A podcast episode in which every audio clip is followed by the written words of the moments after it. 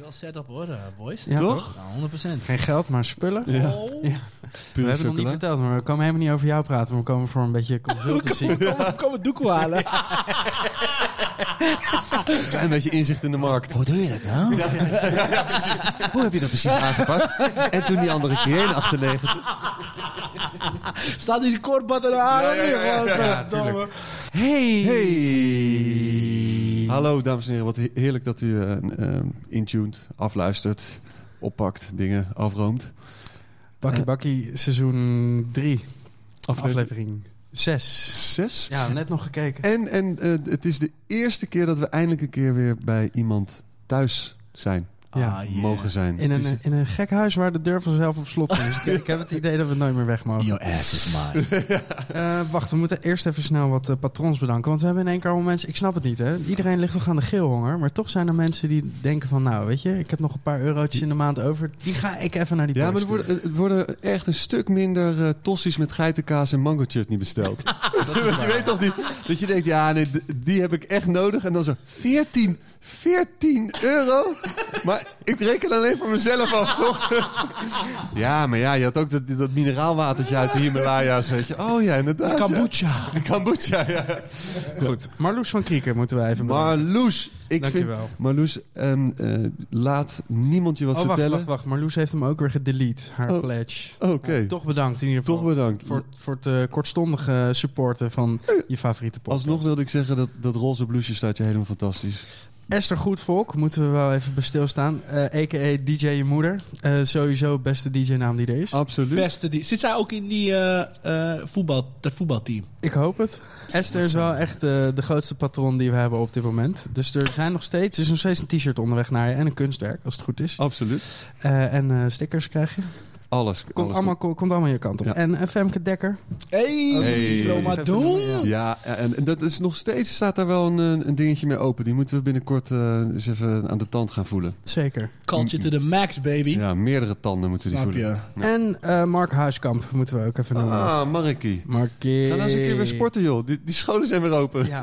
Zo, ik ben weer gaan sporten vorige week voor het ik, eerst. zie, Ja. ik zie het inderdaad. Ik ging boksen, Oh, nee. Maar ik, zit, ik zat nog de hele tijd in het, eh, in het kinderklasje, zeg maar. Weet je?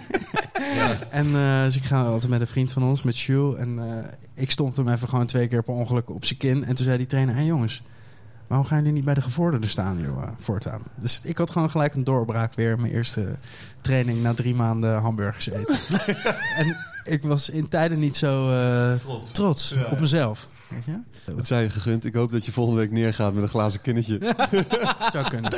Eh, als je nou ook een keer met naam en toenaam en eh, kledingkeuze genoemd worden in deze podcast. Of dat misschien anoniem zou willen doen. Eh, dat kan ook. Eh, Patreon.com slash bakkiebakkie. Daar kun je al voor 2 euro deze jongens... eh, hoe noem je dat? Steunen. Steu- steunen, En het is ja. heel anders dan bij eh, bijvoorbeeld je favoriete eh, casino langs de snelweg. Er is helemaal geen limiet. er, is, is helemaal geen limiet. Je kan gewoon all in. Extra hypotheekie, eh, misschien een erfenisje van een tante, een gek kunstwerkje, een klein appelzeefdrukje, kan je allemaal Een inzetten. leveringsverzekering die ergens... Ja, ja, uit- kleine uitlevering. Ja. 38 euro in de maand. Kijk ze even na. Ehm, alles is welkom, dames en heren. Ehm, maar we zijn natuurlijk hier zo voor een nieuwe aflevering. En we zijn thuis bij niemand minder dan... Mr. Wit.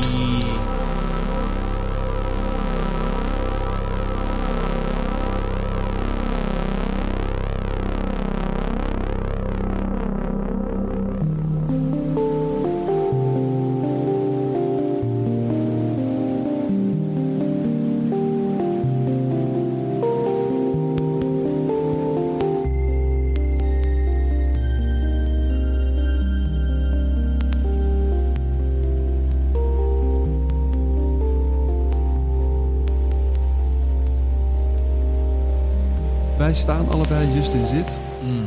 Eh, en dat, is, dat gebeurt wel vaker. Zit is het nieuwe roken, baby. Ja, Ja. dat is waar. Ik ga ook wel... Nee, ik, deze, Ja, laat- deze blijf- standaard kan niet omhoog.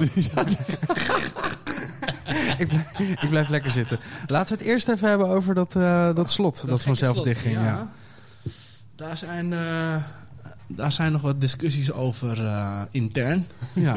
Eh, voor nu is het gewoon het beste eh, slot voor, eh, om je kinderen gewoon thuis te houden. inderdaad. Tijdens corona. Dus ik doe mijn voordeel eraan. Ja, want, jij deed de deur dicht en de sleutel gedraaid gewoon is vanzelf. Ja, Het is, eh, is een glitch in de Matrix, maar we're working on it. Maak je geen zorgen, het komt goed. Maar er zijn een hoop dingen waarbij het zeg maar chill is als het automatisch gebeurt. Maar dit niet. Nee, een, een, een sleutel in het slot. Moeten wij nog een beetje ijs breken? Eh, Dus ben je al cool? Ik ben Ik kan wat voor je inschenken? Is dat tijd? zit, zit er al vijf in, eh, in, in de minuut? Dus, eh, eh, nee, maar het komt goed. We zitten aan hele gekke 100%. kombucha's. Ook, Ja, dit, is, eh, dit komt eh, geïnspireerd door Tayana. Vrouw van Tom. Nou, die inspireerde ons alleen maar met hele gekke cocktails. Dus ik, jij hebt je helemaal verkeerd laten inspireren. maar in welk feest was, eh, was dat? Waar Dit was, was ik niet gewoon toen we bij eh, Tom eh, zijn bakkie bakkie op gingen nemen. Ja, het, wodka, flessen wodka met allerlei eh stukken Nou, Papers, die, die kreeg ik niet voorgeschoten. Cool, man. Ja, jij kreeg een Ja, glaasje bacteriën mee.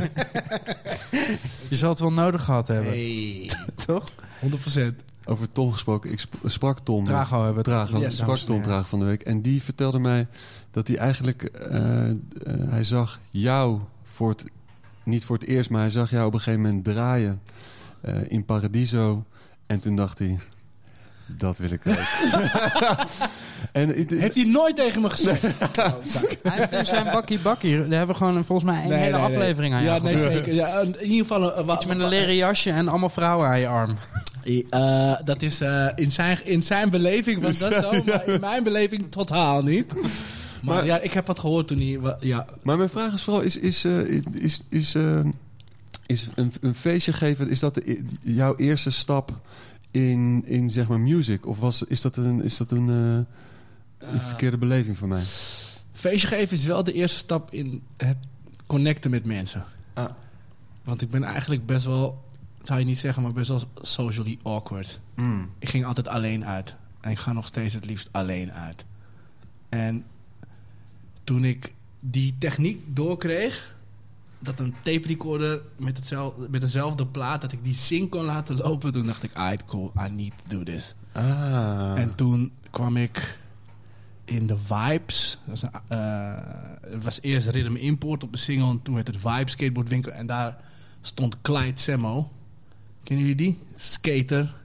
De, de eerste echt pro, soort van pro-skater in Nederland. Clyde Semmo. En daarna kwam de rest. Ja, En die deed toen Stussy. En, die, en toen stond Edson te draaien. In de winkel. Hm.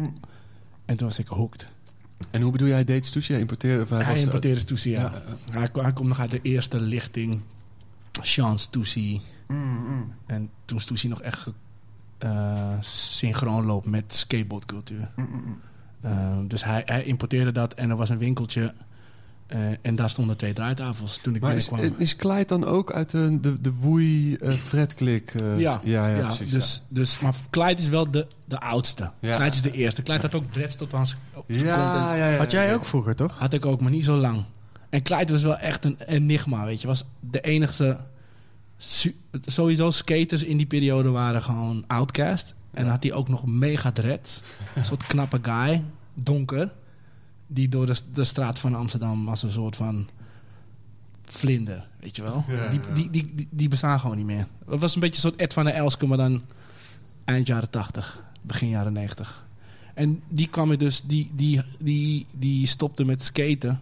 En die ging Stussy opzetten. Werkte bij Vibes, maar daar deden ze ook de distributie. En Edson kende ik al vanuit voetbal. Dat was een van de meest talentvolle voetballers uit Amsterdam. Iedereen kende hem.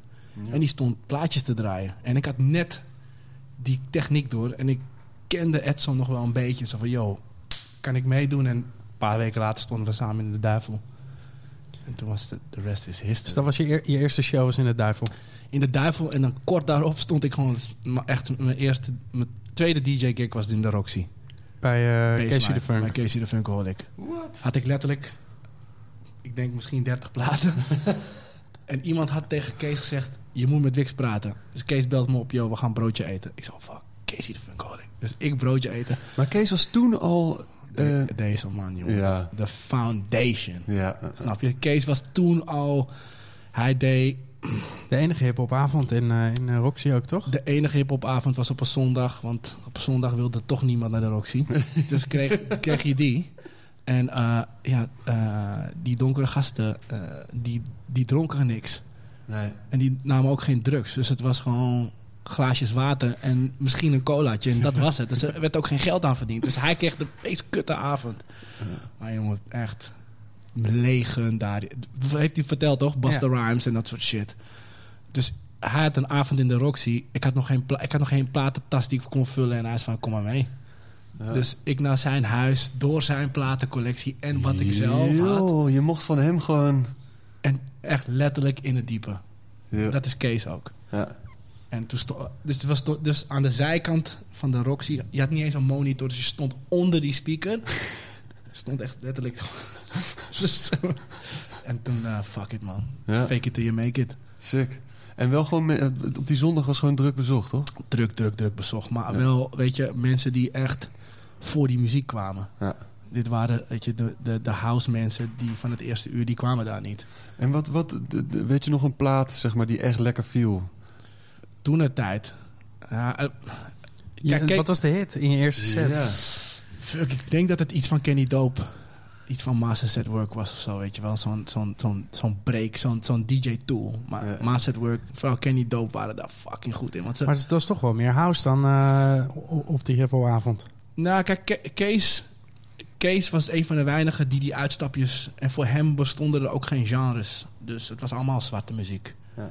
Ehm, dus, het is zo eh, grappig, want Kenny Dope en, en Louis Vega is eigenlijk een house duo. Maar Kenny is ook een van de beste hip-hop DJ's die er is. Ja. Dus die, die breaks, die aviate breaks, dat waren soort tools.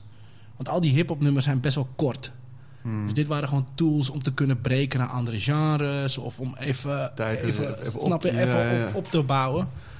En ja, dat waren wel tussen alle rapnummers door... die je moest kennen van de radio... waren dat wel... Oh fuck, hij heeft weer een soort van gekke blend Ja. uit New York. Of, snap je? Dat waren wel... Was, wat was dat nou, weet je? DJ eh, Envy, die dan een soort van bootleg met... eh, met een a cappella, met weer een... Dat soort dingen, weet je wel. Mm, mm, En dan mm. had dan die ene DJ, dat was Kees, die had die dan. Wij Ja. hadden dat allemaal niet, weet je wel. En in die, in die tijd eh, was dit ook de enige hiphopavond? Of niet? Ja, eigenlijk wel. Je had ehm, daarvoor, daar zijn die posters ook van die je ziet. De, was, dat was meer een avond voor optredens. En dat was Kees, eh, Kees de Koning. Mm. Dat was B-Boy Extravaganza. En dat was in de Paradiso. En Kees kende ik ook van de Jazzbob. En dat was nog voor alle hip-hop-avonden met Graham B. Dat was een jazzavond in de Paradiso. Hmm. En dan had je in de bovenzaal Een kreeg. jazzavond in de Paradiso. Daar kan je niks meer bij voorstellen. Hè? Wauw. Ja, maar de Paradiso is ooit opgezet door eh, Dulver, hè?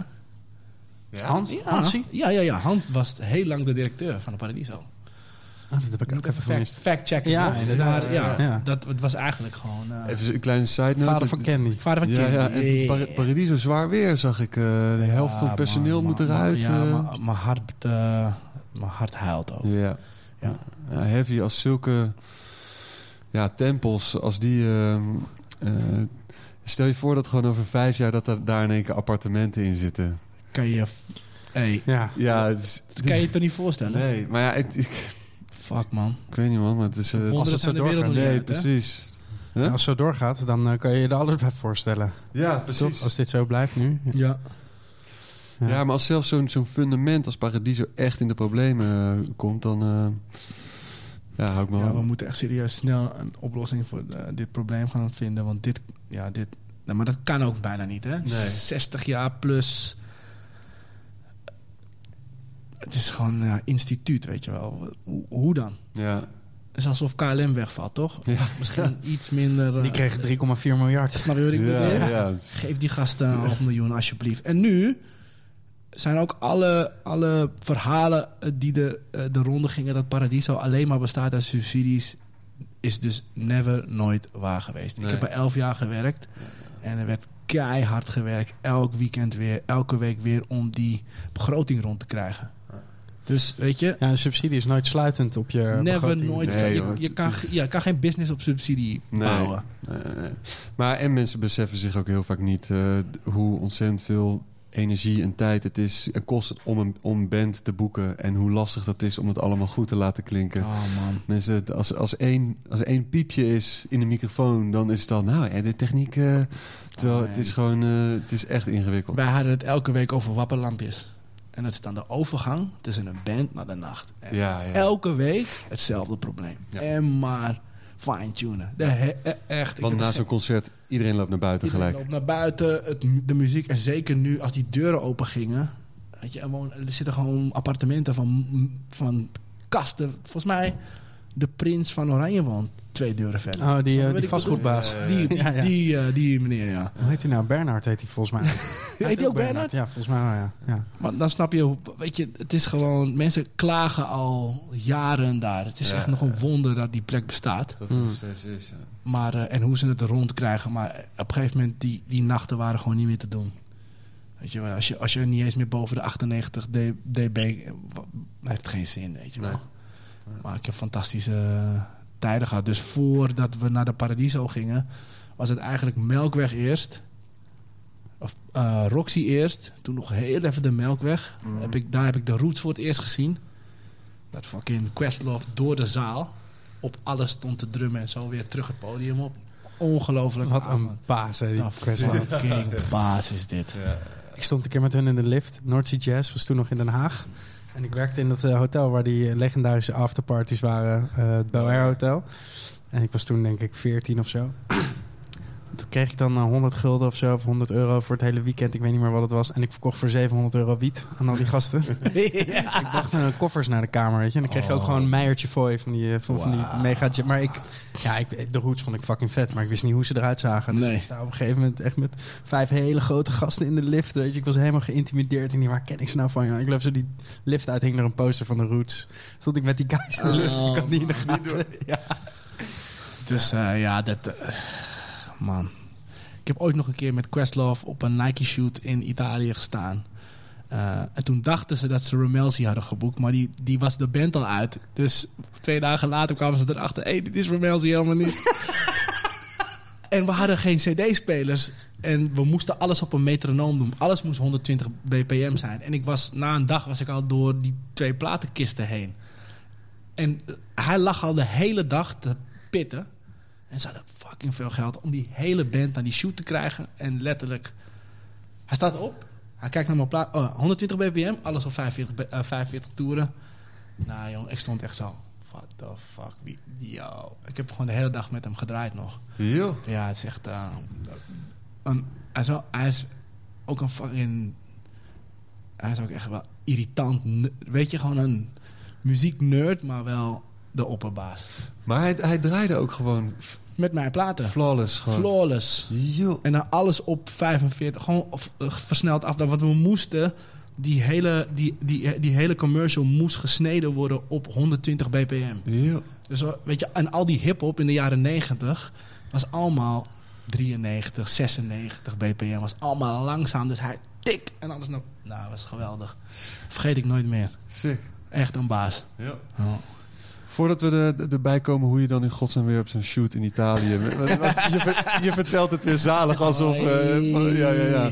En, ehm, Oh ja, we waren bij de, bij de, bij de nou, laten, we- laten we gewoon even helemaal lekker terugpakken. even, even chronologisch. Melkweg. We waren Even- net, net weg uit de Melkweg. Toen ging je naar Paradiso. En was dat toen... eh, was dat al je eigen avond? Was dat chocolate? Nee, nee, dat nee, was nee, Rotterdam? Dat kwam, dat kwam later pas. Ehm, dus ik kreeg van Kees een aantal keer gewoon de, de kans om te draaien. En toen ben ik bij Fatbeats gaan werken. En toen kwam Fatbeats dus naar Nederland toe. Hm. En mijn baas toen de tijd, ook een skater, Ricardo Wijngaarden, die had het samen met een jongen uit, uit New York die bij Fatbeats werkte, ehm, opgezet in Amsterdam. En daar heb ik anderhalf jaar gewerkt.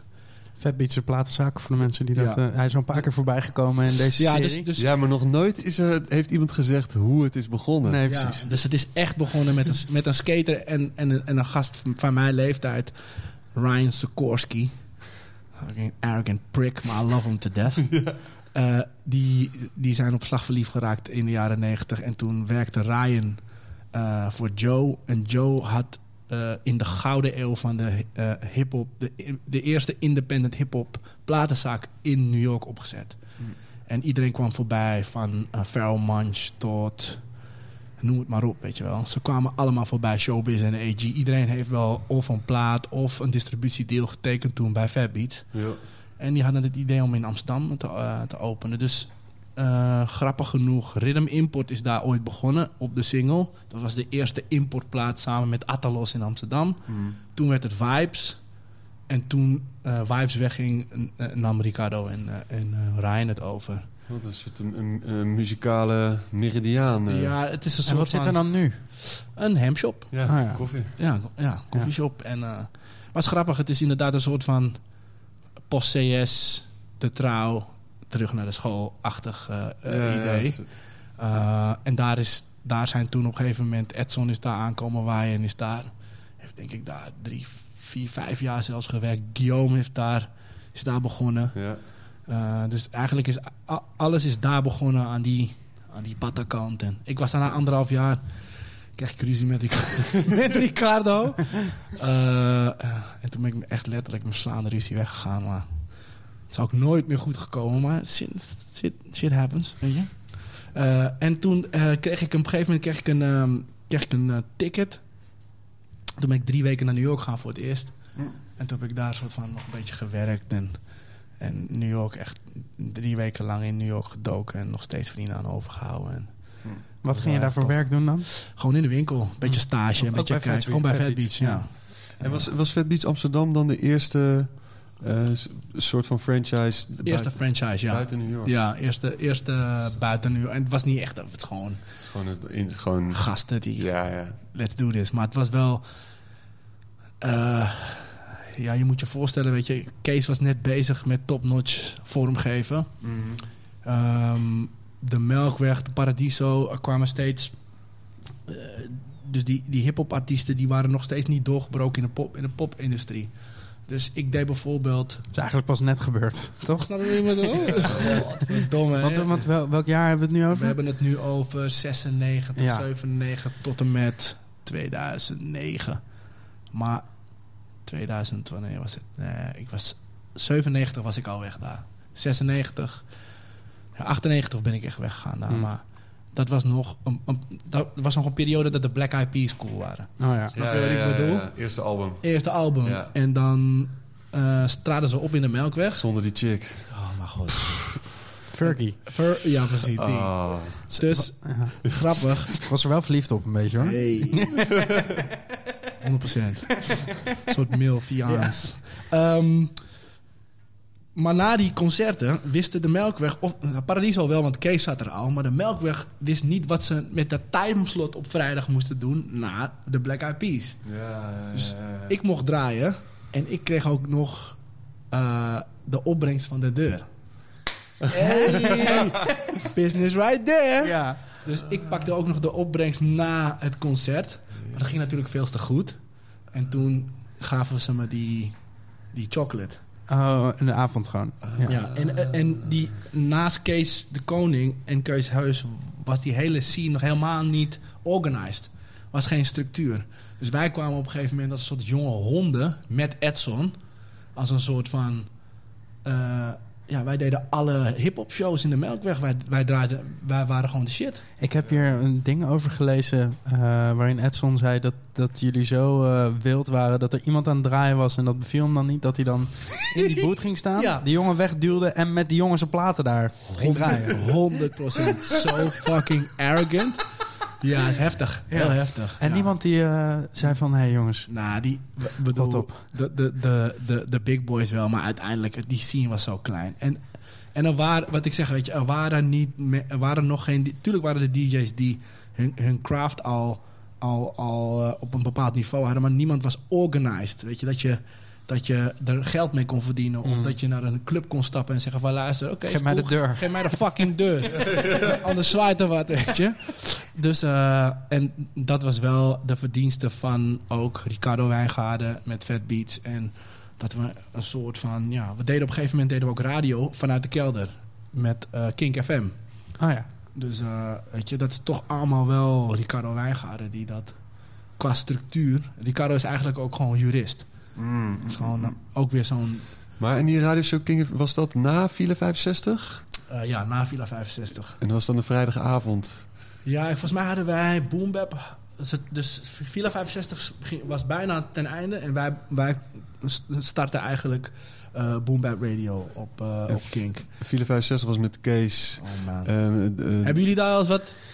Nee, ik was er net te jong Oh, op dat ik luister dat iedere gewoon. Ik heb nog steeds cassettebandjes, helemaal zelf eh, met, met spuibus, schabloon. Helemaal. Als ik er nu over nadenk, mensen, take notes. Oké? Het We gaan fucking slecht met z'n allen. Ja.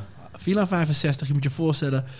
Hip-hop was niet radio aanzetten en je hoorde dat je moest naar een club of wat dan Ja, ook. ja, Maar je kon dus elke donderdagavond kon je naar de Kroon in Amsterdam. En er was één ruimte achterin de Kroon, helemaal omgebouwd tot studio. Know-how stond beneden op het podium, Kees en Ricardo boven. Met gasten, whatever. Maar al die Maar posters die Ricardo was een toetal. toetal. Ah. En dan was je, kon je gewoon live, je kon live bij de show zijn. Ja, en er was ook Ja, iets met ben- een danser, of niet? Er, was er, er waren danseressen of zo. Ja, Ik heb hier laatst iets over waarschijnlijk die laatste, die laatste aflevering. Maar moet je je voorstellen dat je gewoon naar een... Ja, ik ben er één keer naartoe geweest. Dat is de Holy Grail gewoon. dat meen je niet. Ja, ik ben één keer. Zijn we daar helemaal. Ah, was toen echt een onderneming, weet je. Daar naartoe afgereisd naar de studio. En, en kijk, gelukkig was het nog zo van de radar dat mensen niet...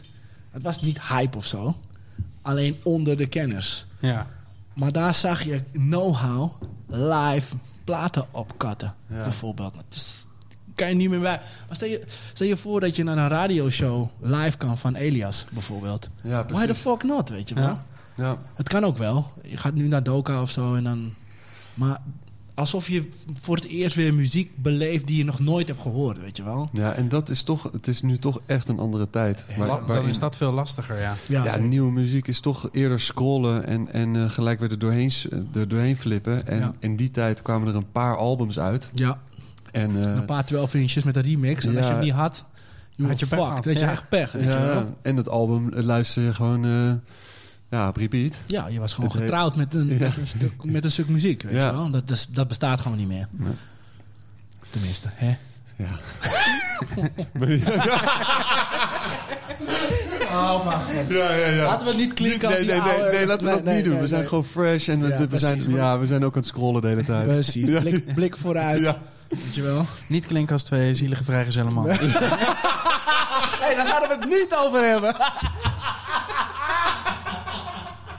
Kat, kat. Mis, error. Oh shit. Leedvermaak is toch best vermaak, of niet? Anyway, waar waren we? Hé, hey, die deur gaat ineens weer op slot. Ja, Oh, het is heet hier. radioshows. Want, Radioshows. en, en hoe lang zit er dan tussen die, die eh, show op Kink FM en eh, die show bij 3 voor 12? 3 voor 12 XL? Eh, 3 voor 12 XL was 2004 Mm. eh, tot 2009. Of 2000, ja, 2009. Je hebt het wel scherp allemaal eh, op, op, Ja, lift. Ik, ik, ik ben niet zo scherp normaal, maar dat weet ik nog, omdat... ehm, ja, ik weet nog dat ik met... En ik zat ook na te denken over... Dat dat ook het jaar van Jimmy Woo was. Ah. Toen begon Want- ik ook bij Jimmy Woo. En in die tijd ging jij lekker, hè? Ja. Ja. Had, had ik nog niet door. Had ik het maar geweten. Oh mijn god. Ja, kijk je toch zo erop. Had ik maar, wist Nou. ik maar toen eigenlijk hoe lekker ik ging in alle steden. Ja, ik ging wel lekker, maar ik had het niet door. Nee, ik zat wel... Ik zat in de moment. Ja, ja, ja. Maar ben je wel slecht gegaan eigenlijk? Als in... Ja, maar meer van eh, slecht gegaan op eh, slaapgebrek. Hmm. Ik weet nog een keer dat eh, was ik net met mijn meisje. En toen had Kim me echt op drie plekken binnen 24 uur gezet. Maar dan in het tijdsbestek van s'nachts tot en met ergens. Kim Tuin Kim met Barkers. was toen mijn Ja, boekster. Ja. En toen was ik zo fucked up. Maar niet van de drugs, maar gewoon moe. Dat ik, ik zat toen helemaal in die bijlenfunk en niemand snapte het. En ik stond er helemaal in mijn een. En dan komt een chick naar me toe. Die loopt op die, op die DJ-boef af. Die kijkt me aan, wat ben jij aan het doen? En ik zo... tss, heb ik een stoel gepakt en door de fucking ruimte heen gegooid. Ik werd helemaal gek. Dus ik eh calm down, ik ga naar huis. Dus ik dacht, nou, is goed, weet je. Ik kom thuis, krijg, krijg een knuffel. Staat op. Wat de fuck denk jij dan? Als je fucking 48 uur op je benen staat, what the fuck, oprotten. Tough love, baby. Maar eh, daar heb ik het wel, weet je. Dat was gewoon een goede les. En dat was ook al bijna tegen het einde aan dat ik gewoon... Ik was gewoon, ik wilde alles doen. Ja, ja, Maar dat kan gewoon niet. Weet je, kan niet we- anders doen. We gaan Ja, terug, we gaan ja, terug naar, naar, naar de Nou, toen het fijn ging. Ja, ja, ja, Toen we lekker gingen, en ik nog niet Ik ben wist. helemaal aan het rillen zo. Ik wil, ik wil nog... Maar ik slaan we niet- dan niet een stuk over? Oh, Ja, was- ja, we staan zeker Ja. een stuk over. Eh, we waren bij radio. ja. Kink FM. Ja, en, ja precies. Kink FM was... mm, het was niet... Wij, wij, we waren zo in die high, dus wij dachten, nou, wij gaan dat gat vullen van 465. Maar dat, dat, die, die legacy van Kees, Kees de Koning en hoe ze dat hebben opgezet al die jaren, dat, dat kan je nooit in zes maanden eh, ga je dat eh, kunnen evenaren. Dus op het moment dat, dat ik ontslag kreeg bij Fatbeats, lag ik, ook, lag ik er bij de radioshow ook uit. maar goed, weet je, daar leer je van. Eh, dus, het- dus de radioshow was ook gekoppeld aan Fatbeats. En dat was direct Ah. ook de, het probleem. Het, het, het mooie van een radioshow is dat het eigenlijk gewoon neutraal is. En niet Creatieve is- vrijheid. Ja, Ja, creatieve vrijheid. En niet gekoppeld is aan een winkel die zijn platen moest promoten. Ah, En dat ja. had Villa 65 nooit. Villa 65 was gewoon... Ja, dat was, daar begon... Het, het- als, je, als je geïnteresseerd was in die muziek, begon het bij Villa 65.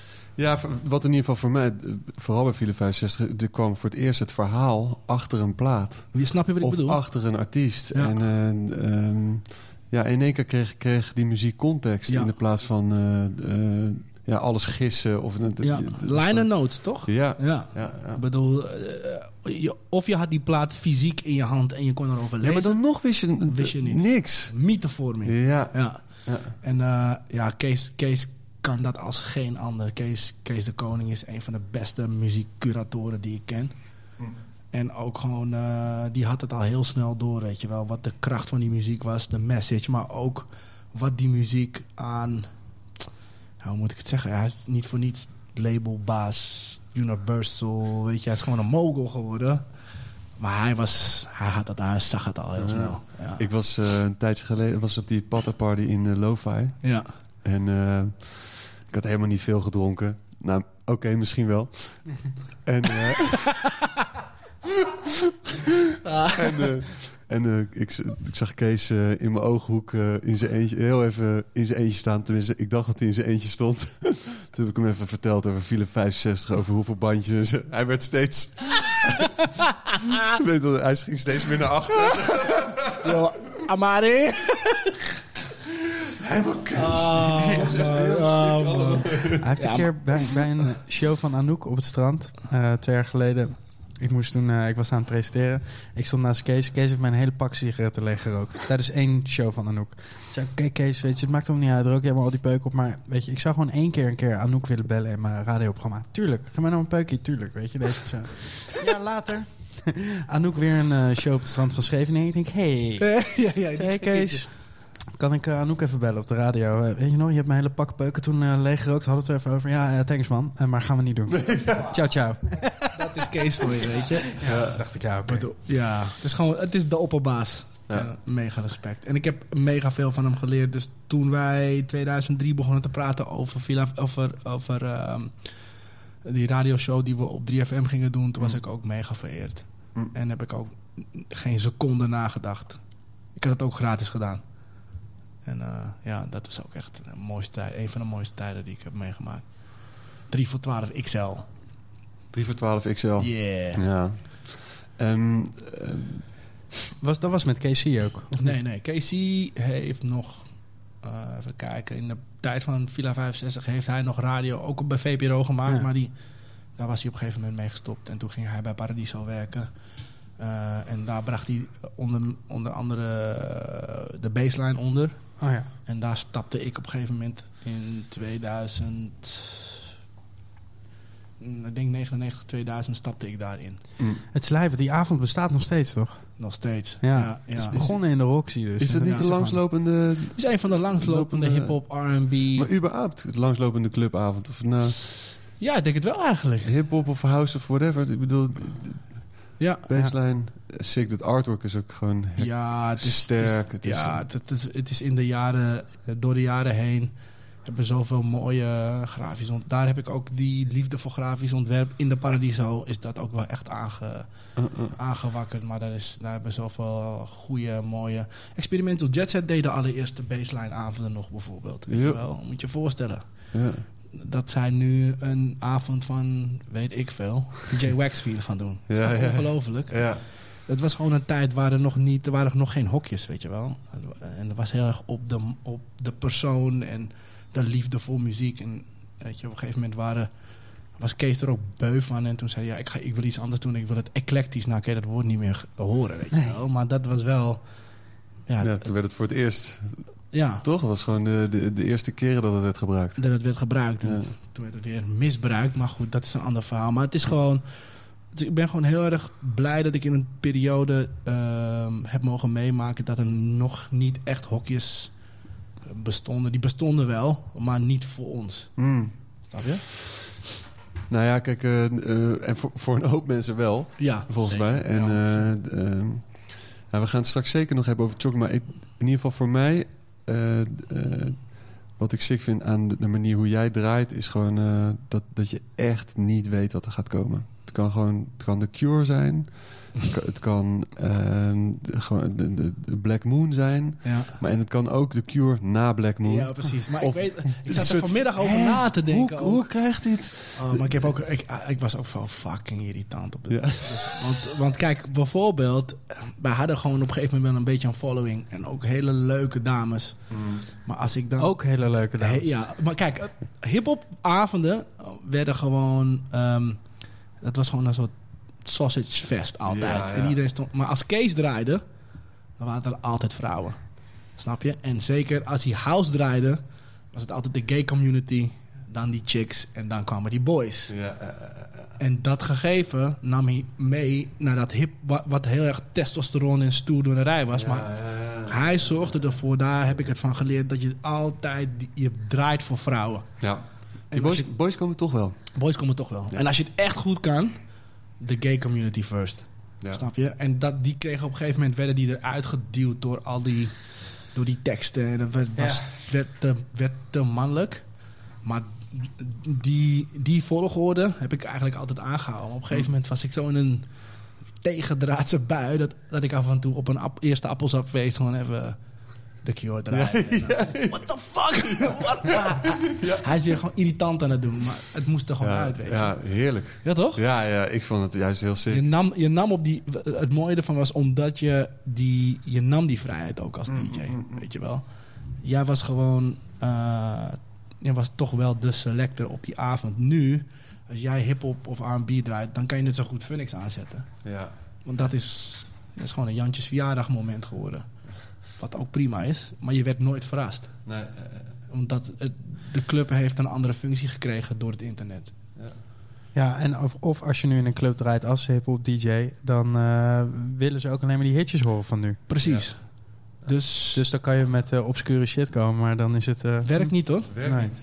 Nee. Weet je, en hip-hop. eh, Is dat toch? Pe- Poolse B-kantjes noemden we het op een gegeven moment. Noemde Vos het toch? Als, Ja. eh, als Marco draaide. Poolse B-kantjes. Maar Poolse B-kantjes in de hip-hop en R&B werkt niet. nee. Maar Nou, we, we hebben het al eerder gezegd dat met, met hip-hop eh, vragen mensen dingen aan. En Ja. met house en techno Vragen mensen zich dingen af. vragen mensen zich dingen af. dat is, dat is wat Dat is het gewoon. Dat is het gewoon. Ja. Want het is ook logisch, als, er heel, als, als die track op tekst is gebaseerd, dan wil je, wil je die tekst mee kunnen het zijn, chanten. het, het zijn eigenlijk. eigenlijk gewoon Ja, maar die, ook dat nummer heb je toch een keer voor het eerst gehoord? Denk ik dan, ik snap dat niet. Nou, Ja, ik maar- denk ook omdat... eh, kijk, je moet je voorstellen, hè, eh, 3FM. Wij zaten op primetime, zaten wij voor Giel. Moet je je Ja. voorstellen. Ja, Dat was drie jaar... Voor Giel, twee uur op een vrijdagavond. ja. Dat was 50 Cent, Eminem. Dat was toen, het, toen de dijken braken, weet ja, je wel. ja, ja. Een jaar later, weg. ja. Want toen was... Toen kon je 50 Cent in de fucking... eh, Ja. Wat was het? In de... In de Whatever, snap je? ja. ja, Ik kan in, in Foodlocker hoorde je hem gewoon. Ja, maar ook gewoon... eh, hij stond in de, in de stond Amsterdam Arena, man. Ja, ja. Ik weet nog dat ik Daar ben ik bij geweest bij die show. Fucking Cypress. Hill in het voorprogramma. Snap je? Ja. Ik weet ik Ik hoorde er niks van. Klote Arena. Ik ga nooit meer naar een zo concert daar. slecht. Echt. Maar ik weet nog, ik kwam terug van vakantie. En ik, we rijden met de taxi Amsterdam binnen. En ik zie die, die hoes van 50 Cent. Get Rich or Die. Ja, ja, ja. Half blo blote lichaam. Die bullets. zo. Met die bullets in alle abris. En dan weet je gewoon, oké, de dijken klaar. zijn, is klaar, weet je wel. En, en, en wij zaten nog in, eh, in dat, dat, dat stuk daarvoor, waar het nog eh, zoeken was. En uitvinden. En wanneer je identiteit en je, de muziek die je luistert, dat was één. En op een gegeven moment 50, eh, Missy Elliott en Ecstasy. Klaar. Ja. Ja. Ik was van de week nog even verdwaald op de Twitterpagina van eh 50 Cent. Oh my god. Altijd lekker. Ja, Want hij, smullen, hij toch? doet alleen maar... hij hashtagt sowieso bij al zijn tweets al zijn eigen merken. Oh my god. Dan moest je er ja, ja, champagne die ding. en dan Cognac. van- Precies, cognac ding. Is dat, is dat vit- Zo, vitaminewater? Ja, ja. scha zo schaamteloos. Maar hij was dus ruzie aan het maken met een radio-dj. Die eh, zijn plaat niet eh, draaide. En dan heeft hij dan echt nou, hele epistels over waarom dat een teringleier is. En waarom die gewoon zijn bek moet houden. En Oh dat er een andere DJ is die zijn reet afveegt met hem. En nou, uiteindelijk die DJ dan zijn excuses aanbieden. En dan hij daar nog overheen met dat het nog steeds een lul is. En, eh, Wij hebben hem een keer in de show gehad trouwens. Ik heb nog een foto 50? van 50. Ja. ja, Ja. sick. Ja. Heel klein is die, hè? Net zo groot als Carlton. Hij is niet zo groot, nee. ja, man, een fucking ego vulde de hele fucking kamer. Maar, ah, dat is zo mooi. Ja, en dan Dus zag ja. ik ook weer Eminem, ook weer, op, want ze hadden dan nu eh 100 miljoen of eh, 1 miljard stream, ik weet niet, iets, ze hadden Ja. iets samen. Die Eminem, die heeft dus nu een donkerbruin baardje. Dat ziet er heel raar uit. Dat is creepy, man. Het, eh, en donkerbruin haar, dus hij verft zijn haar niet meer, maar het lijkt alsof hij zijn haar verft. Dat je zo lang je haar hebt geblondeerd dat je echt de kleur zou En hij heeft een soort pil genomen, waardoor het lijkt alsof hij weer 20 jaar jonger is. Inderdaad. Maar dan fel overbeen. Ja, en, het ziet er en niet uit. Alsof hij een, hij zi- ziet eruit alsof hij een kleine sex-change heeft ondergaan of zo. Hey, die had ik nog niet als een gezien. soort, als een soort eh, alsof hij vroeger een vrouw was. Zo Ja. komt het een beetje. Ja, ik weet niet wat het ja, is. ja, ja, klopt. maar dus klopt. dat is misschien die, die, die, pil, die, ja. die aging eh situatie. Die heb ik ook nodig. Neem nog wat kombucha, eh K4. Heb, ja, wil je? Ja, een heel klein beetje. Ik ben een beetje huiverig voor dat spul. Ja, kijk eens. Maar waar waren we? We, we dwalen af. Oh ja. Bij Ja, de het, is, het gaat sowieso heerlijk chaotisch. I like it. Ja. Eh, nou, een van de dingen... eh, volgens mij waren we wel een beetje bij chocolate aangekomen, heb ik het idee. Ja, dus ik deed dus die avonden eh, na die shows na die hip-hop avonden. En dat kostte de melkweg te veel geld. En dat ging al wel een beetje. Waar ging het verloren dan?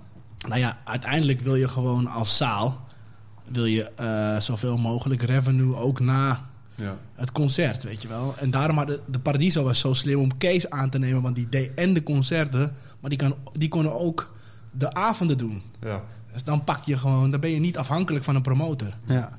En dat deed Kees heel goed. En de Melkweg deed dat gewoon niet zo goed. Dus dat, dat, dat gat, dat sprong ik toevallig in, omdat ik, fuck it, ik dacht, ja, weet ik veel, 200 man kaartjes, dat ga ik wel redden, weet je wel. En ik weet nog dat ik dat geld moest ophalen. En toen probeerde Sean zich eruit te lullen. Klootzak. Want ik had natuurlijk was geen internet, dus ik had niks vastgelegd. Is dat Is van Lijn? Sean van Lijn, I love this guy. Hoe heet hij? Wat is de DJ-naam ook alweer? DJ Celtic nog iets. Nee, die- draait wat Keltische muziek, toch? Nee, van eh, op Lowlands. Eh, Ja, dat is hij toch ook? die? Ja, ja, die hele dunne. Met die, met, die, eh, met die stokken. Kees van Hond. Kees van Hond. Dat is hij toch? Ah, Is dat hij is zo, Kees ja? van Hond. Ja, Ah, toch? Of ah. ben ik nu een, het kan niet dat aan die, het verraden? Ja, dat kan. Dat kan. Ja, dat is hij hoor. Die hele... Ja, Kees van Hond met iedereen in die picknickbank in de lucht ja, zetten. ja, met al die, al die, al die planten die weer worden gesloten. ja, hij lijkt dat op de verloren... eh, ehm, hij lijkt op iemand die, de, die bij de Ramones hoorde of zo. Toch? Met skinny, met... eh, ja, die. Ja. Ja, dat, ja die. ja. Kees van Hond. Dus eh, op een gegeven moment dachten ze, weet je wat, fuck it. Oh ja, El Dopa en Chaos hadden een vrijdag drum en bass avond. En die liep af. Die ging niet zo lekker. En hip-hop was, aan het, was on the rise. Mm. Toen heb ik met hun gezeten en toen gaf ze mij eerst nog de kleine zaal. En ik denk, twee maanden later was het tables turn, suckers burn and learn. Chaos was waar Tom Trago in een tuinhuisje woonde. Ja, toch. Het is allemaal inkraut, jongen. Allemaal inkraut. Ja. Nee, Chaos is ook, ook gewoon een, een... Echt wel iemand die... Die, die deuren heeft opengetrapt voor drum en bass. En weet je, ook voor dancehall. Dat waren, waren- dat waren de eerste gasten die dat soort dingen draaiden, weet je wel. En die deden de vrijdagavond één keer in de maand. eh, en die hadden gewoon een zaal over. En die kreeg ik. En toen zijn we Chocolate begonnen. Eh, en Goeie naam ook voor een feest, denk ik. ja, Chocolate was een fucking goede naam. Ja. Skatemerk was het ook. hè? Ja, ook. Ja. Ook, ik heb van de week nog eh, eh, stickers gekregen van Jeroen Koolhaas van, van Chocolate. Gouden. Ja. Want wie heeft nou het logo gemaakt? Is dat Para? Piet Parra. Wel toch Para, hè? Para deed eigenlijk alle feesten die ik deed. Hoe kan die man dat alle... Hoe kan het nou? Kijk. Hoe kan het nou dat... Dat, dat is het mooie van Piet. Piet heeft geen ego. Nee. Of in ieder geval toen niet. En ik werd toen werd ik weer gekoppeld door Clyde aan Piet. En toen ik feesten ging doen en hij begon net met grafisch werk, toen liet ik hem gewoon alle flyers doen. En toen ik eh, voor het eerst naar New York ging, werd ik door ehm, eh, Ryan aan de gehele Supreme crew ge- eh, gekoppeld. Dus ik kwam voor het eerst in de Supreme winkel direct naar achter. Vrienden gemaakt met al die gasten. En ik kreeg al die kleding en al die stickers mee. Dus ik had die stickers in mijn hand. Toen dacht ik, fuck. Dit is zo iconisch. Ja. Maar je gooit de achterkant weg. Ja, je had die flyer op die Ik achterkant. had chocolate aan de voorkant, maar ik had, aan de achterkant had ik alle informatie. Ja, ja, ja, ja. Snap je? ja. En hetzelfde deden we met die posters van Paradiso. Werk van Piet aan de voorkant, informatie aan de achterkant. Dus dan gooi je het ook niet weg. ja. En je zag het door de stad en je wilde ze hebben. En weet je, het was wel een manier om de stad mooier te maken. Maar op een gegeven moment hadden Piet en ik een soort idee van elke maand een andere kleur sticker. En op een gegeven moment kwam er iets meer geld en toen hadden we gewoon één, één blad met verschillende kleuren. Ah, man, Ja, ja, ja. Het was geweldig. En, en Piet deed toen nog mee, toen kon het nog. Toen, toen konden we hem nog betalen. Ja, Weet je wel, we waren wel vaak te laat met betalen. we konden hem nog betalen. Ja, wat een eindbaas is die Paraton. Ja, normaal. ik blijf er maar tegenaan hikken gewoon. Ja, ook, Want- ook gewoon zo, eh, zo belangrijk in het vormgeven van een scene. Ja, Weet je wel? En, en daar stond je niet eens bij stil. Het was gewoon een, een makker en iemand die wilde werken. En het was wel echt één moeilijke gast. Mm. Maar uiteindelijk deed hij het. Weet je wel? maar mo- moeilijk vanwege... het- het- had wat- gewoon esthetisch, wist hij precies wat hij wilde. Ja, ja, ja. En, en als je met een dom idee aankwam, dan was de kamer ook te klein. Maar hij deed het wel. En hij deed het op zijn manier. En wat hij gewoon heel goed heeft gedaan, op een gegeven moment hoefde ik niet eens meer richting te geven. Alleen, ik moest alleen Info. info, Ja. zo alles moest netjes en in, in, in één keer, niet in twee keer. En hij deed de rest. Ja, ja, ja. Dus die Red Nose District posters, dat was toen Piet echt top level. Ja. Die, po- die, die, die, platenhoes. platenhoes. Ja, ja, ja, ja. En moet je je voorstellen, weet je wel, het was toen en Piet Para en kom, Machine op Ja. één poster. Dan, dan heb je geen ego. Opgezwollen, tweede LP, Piet Para en Delta, dan heb je geen ego. Dan snap je gewoon, oké, monumentale albumhoezen waren dat. Monumental. En dat, ja, ik ben gewoon nog steeds super blessed dat ik daar zo dichtbij was. Dat je het samen hebt kunnen vormgeven. Daarom heb ik een hoop van die posters, heb ik nog, weet je wel. En het was gewoon het, het, het was een simpel idee. Ik wilde gewoon. Als je dan toch posters en stickers, maak dan mooie shit, weet je wel. Maak geen shit die mensen willen gaan weggooien.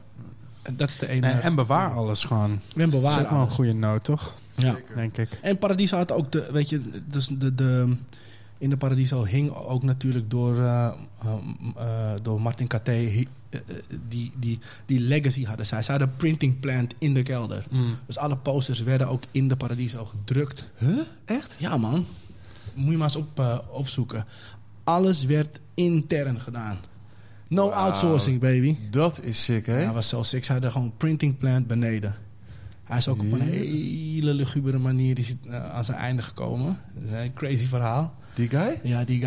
Maar Is die dat- in de printer ge... Nee, nee, nee. Het is een soort afrekening of zo, ja. Mensen van het Paradiso weten dat wel. Maar dat is, yo, dat was zo'n baas. Daar, daar ging je ook, als je, als je tegen hem inging, dan was het ook... eh, Gewoon klaar.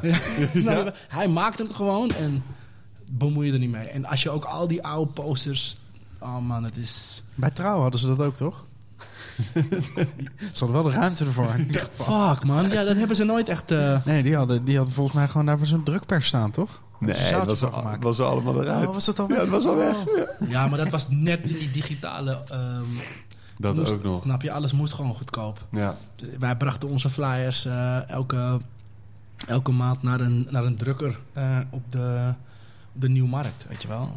Eh, dat werd gewoon nog eh, handmatig gedaan. Mm. Maar toen de trouw, dat was allemaal al, dat ging Ja, allemaal digitaal. Ja, het is voor het straatbeeld ook wel jammer, dat hele digitale ding, toch? Dat je minder posters hebt en minder, eh, minder dit soort mooie, mooie, mooie artwork op straat. Ja, Zeker. absoluut. Kijk, we moeten Ja. allemaal adverteren, weet je, maar, maar maken daar wat moois van. Weet Ja. je wel? Dat is mijn, eh, zo simpel, eh, het is as simple as that. Weet je wel, dus als, als Daily Paper met die gekke campagne van hun nu, het ziet er gewoon goed uit. Ja. Weet je wel? Of, of sommige musea posters zijn nog steeds. Dat ik denk van wauw, die, wil ik- die shit wil ik hebben, weet je wel. Mm. Dus heel erg visueel. Ik, dat betreft ook gewoon visueel ingesteld. Dus, en, en, en, en er was, zeker in mijn tijd, was er niet eens geld om over, daarover na te denken. Dus je had gewoon mensen om je heen nodig die die visie konden delen. Die gewoon mooie dingen wilden maken. In plaats van, yo, eh, we, moeten, we moeten uit de kosten, we moeten geld maken. Dat kwam allemaal later. Ja, en liever, liever een poster die, eh, of een beeld wat minder goed communiceert. Maar wat zo sick is dat je wil weten wat het is. Ja. Dan iets wat alleen maar communiceert, maar dan is dat het ook. Ja, en weet je, je moet je ook voorstellen, hè? Eh, heel veel, ik bedoel, nu is het gemeengoed, maar Mob Deep, Biggie, Smalls, dat was, dat waren wat we nu allochtonen, die luisterden daarna. Ja, Maar esthetisch, de dingen die wij deden, waren veel te left field. ja, ja, ja, dus die sloten helemaal niet aan, maar daar zit juist die clash, Die brug. daar die brug, daar, daar zitten de parels. Ja, Weet je wel? Eh, eh, wat ik zeg, he- het, eh, het album van Opgezwollen, dat is gewoon monumental. Daar zijn nog heel weinig eh, eh, rapgroepen overheen gegaan esthetisch. Weet je? En, en daar zitten de parels. Ik wist nog ineens dat Par... Want Par heeft dan die letters gedaan voor dat eh album. Ja, dus, want het is eh, die graphic van Delta. De graphic van Delta en wat Parra eigenlijk had gedaan, was een soort drips, toch? Die blauwe drips, Ah, die dat heeft hij is- gedaan. Ja. Dat was ook weer een, volgens mij is dat een idee van de Kees geweest. Ja, het is fucking amazing. Ja. Dat je moet je voorstellen dat, dat dat gebeurt gewoon niet meer. Nee, maar sowieso Para en Delta samen, het is wel... eh, Dat, dat, ja. Anyway, Google that shit. Sowieso vind ik het zielig voor... eh, nou, zielig is niet het goede woord. Maar eh, als je nu ziet hoe groot die hip-hop is... en eh, wat er nu... hoe, hoe die jonge guys... hoe hard die gaan... en dan kijk je naar opgezwollen... dan denk je, ja...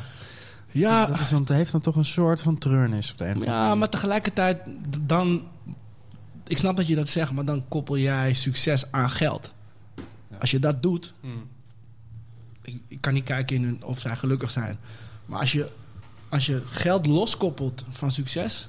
Ja, maar ook platform gewoon. En, en hoeveel mensen ze bereiken. En voor... Met niet, Ja. niet alleen geld. Ja, het is, is ook lastig. Kijk, hip-hop is gewoon meedogenloos. Weet je. je moet de beste zijn en als je niet de beste bent, move over. en, ja, en die competitie Ja. maakt wel dat die muziek zo. Het, is zo, het zit zoveel power achter, weet je wel. Als je uit de fucking ghetto komt Ja. en je, hebt je, en je, hebt je, en je mixtape ligt bij Jay Prince en je, je gaat het maken en je krijgt eh 6 miljoen voorschot, ja. Sorry, weet je. Wat ga je doen? Fuck Ja. iedereen. Fuck iedereen. I'm gonna make it. Weet je, I made it. Ja. Eh, en het, het is tegelijkertijd, ja... eh, ik weet niet of het de art ten goede komt. Maar ik denk nu met het internet... En ik denk dat opgezwollen best wel lekker gaat hoor. Ja. Want zij hebben nog steeds een, een, een... Gelukkig maar door het internet. Want er is ook een periode geweest dat dat niet was. Maar jij kan gewoon met je legacy... Nog twintig jaar verder. Want Toch je hebt gewoon je brood. Ja, je ja. brood, want je hebt gewoon direct contact met je. Ja, dat met je fans. Ja. Ja. En volgens mij verkopen zij hun tour gewoon, eh, gewoon uit in iedere stad. En eh, als je dat gewoon één keer per jaar doet, dan... True, maar geen, eh, geen Ziggo Dome. Nee, maar, Nee. maar, maar zet, zet, zet Boef neer in een paradiso en hij verkoopt hem niet uit, hè? Dat, dat is het verschil. ja, ja, Snap je? ja. Hij, krijgt wel die, hij krijgt het voorschot en hij maakt mega veel geld. Maar zet die man neer in fucking 013. Hij verkoopt hem niet uit. Nee. Dat is het verschil. Hoe kan dat dan? Omdat eh, dit, is streaming. Het is YouTube. Snap je? De kids- Gratis. Ja, het is, het is kids domineren toch. Ja. Nu, ik bedoel, kijk naar Drake. Drake kan wel op, weet je, het is een podiumbeest. Maar eh, als jij letterlijk van je zolderkamer naar het podium, daar sla je gewoon wat over. Ja. Hè, als jij, als jij als, als rockband eerst alle Kleine... kleine kutdingetjes Ja, moet doen ja. en, en, en, en, en tien jaar later sta je op een poppodium, in, dan beest, weet je wel. Ja. Maar wat, wat ga je doen als je net nog je IQ's hebt, hebt, hebt, hebt goed gesteld en eh, de juiste filter eroverheen en binnen een jaar heb je een fucking hit te pakken en je wordt geboekt. Ja. Ja. Dan ga je cashen, maar dat wil niet zeggen dat je show goed wordt. Nee. Dat, dat, dat, dat, dat is denk ik de void, weet je wel. Dat is waar... en Dat, dat zijn de dingen die, die je misschien niet weet, weet je. Maar het is... Verkoopt niet uit, man. Nee. Dus- Ik zag laatst ook, ik weet niet meer bij wie het was, maar die dan zei, ja, we hebben Paradiso uitverkocht. En dan echt, dus ook met eh, het balkon. dat, dat er nu ook bijgezegd moet worden. Ja, ja, ja. Moet je je voorstellen, man. Dus, dus, dus het is ook niet in verhouding, hè?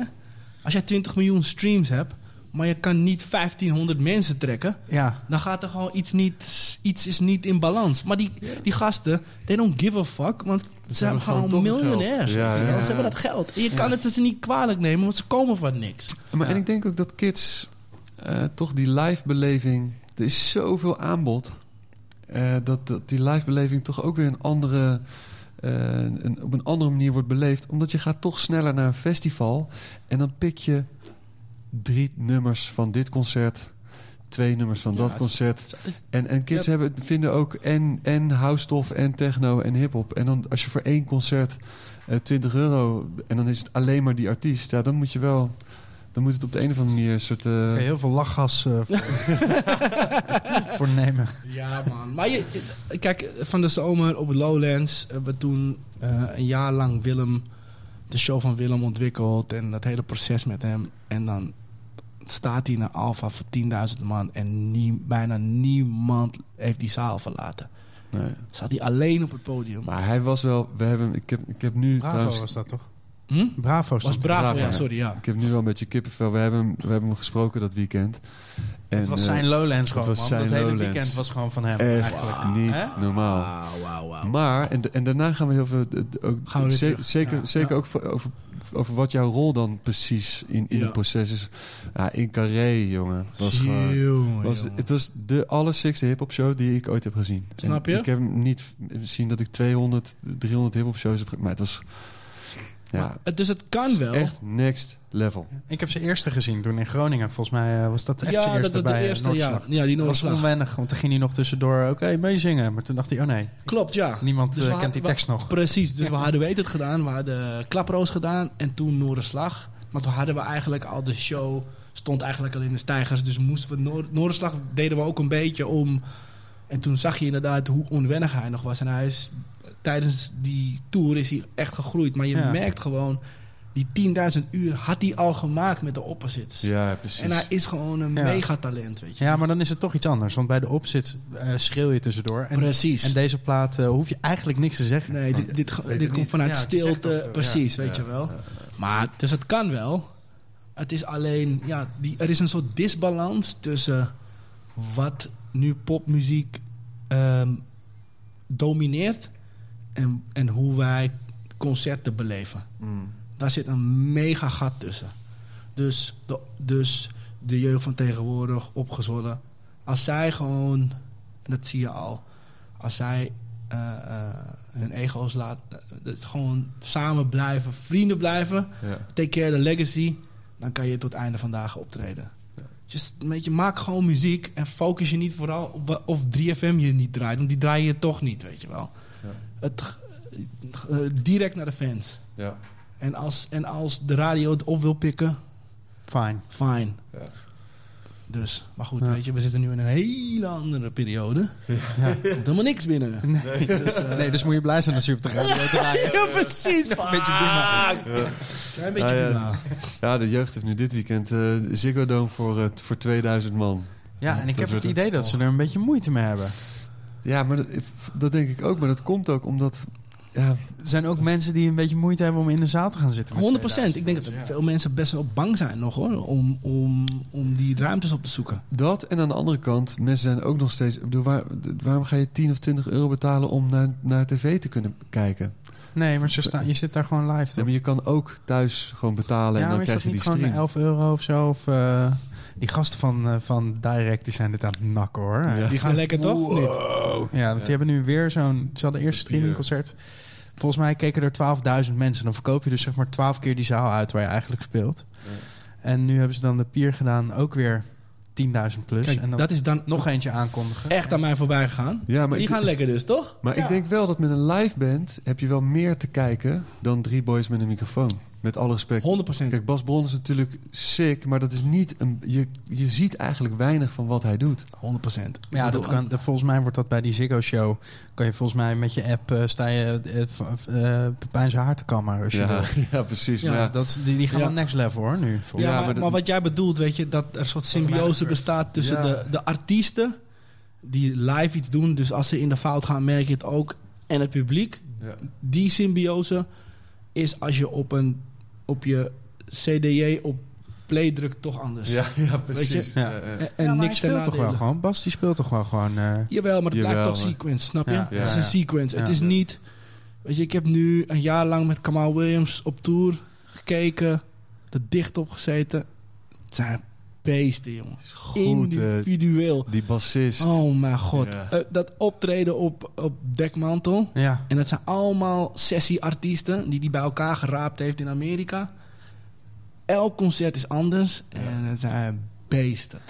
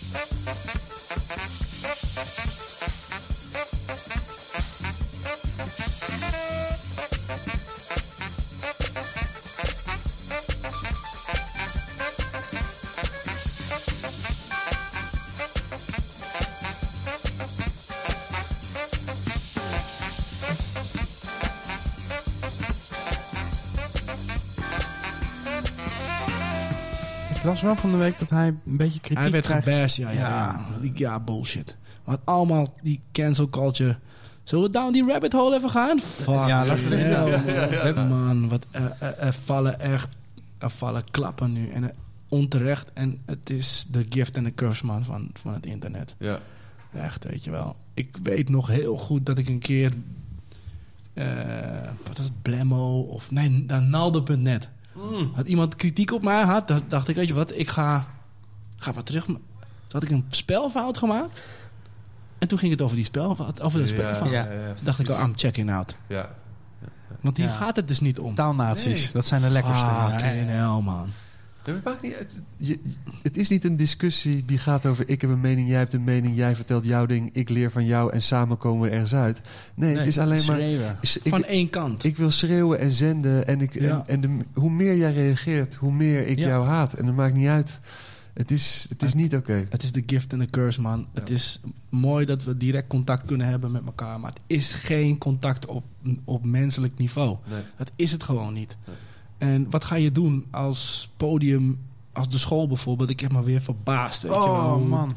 Why, weet je wel? Waarom? Ja. Noem mij een plek, als je van muziek houdt, waar je je veiliger voelt dan in de school. Inderdaad. The fuck? Het is de, volgens mij de meest progressieve plek in Amsterdam sowieso. Er passen maar ja. 700 mensen per avond in. Ja. Weet je, het is nachtleven. Als er een keer een, iemand een sneer krijgt, zo fucking be it, weet je wel? Als ik een klap krijg van een chick, vertel ik dat Snap tegen niemand. niemand. Je wat ik bedoel? Dumbass. Jezus, Nee, man. maar, en er zijn, er zijn, luister, er zijn op dit moment komen allemaal dingen naar voren. Hè? Ik- bedoel, eh, de, worldwide, Black Lives Matter, al Ja. deze dingen. En er zijn heel veel gevechten waar het belangrijk is om, eh, om, een, om een vork te pakken of een knuppel of Ja. een toetsenbord of iets. Gaat het gevecht aan. Ja.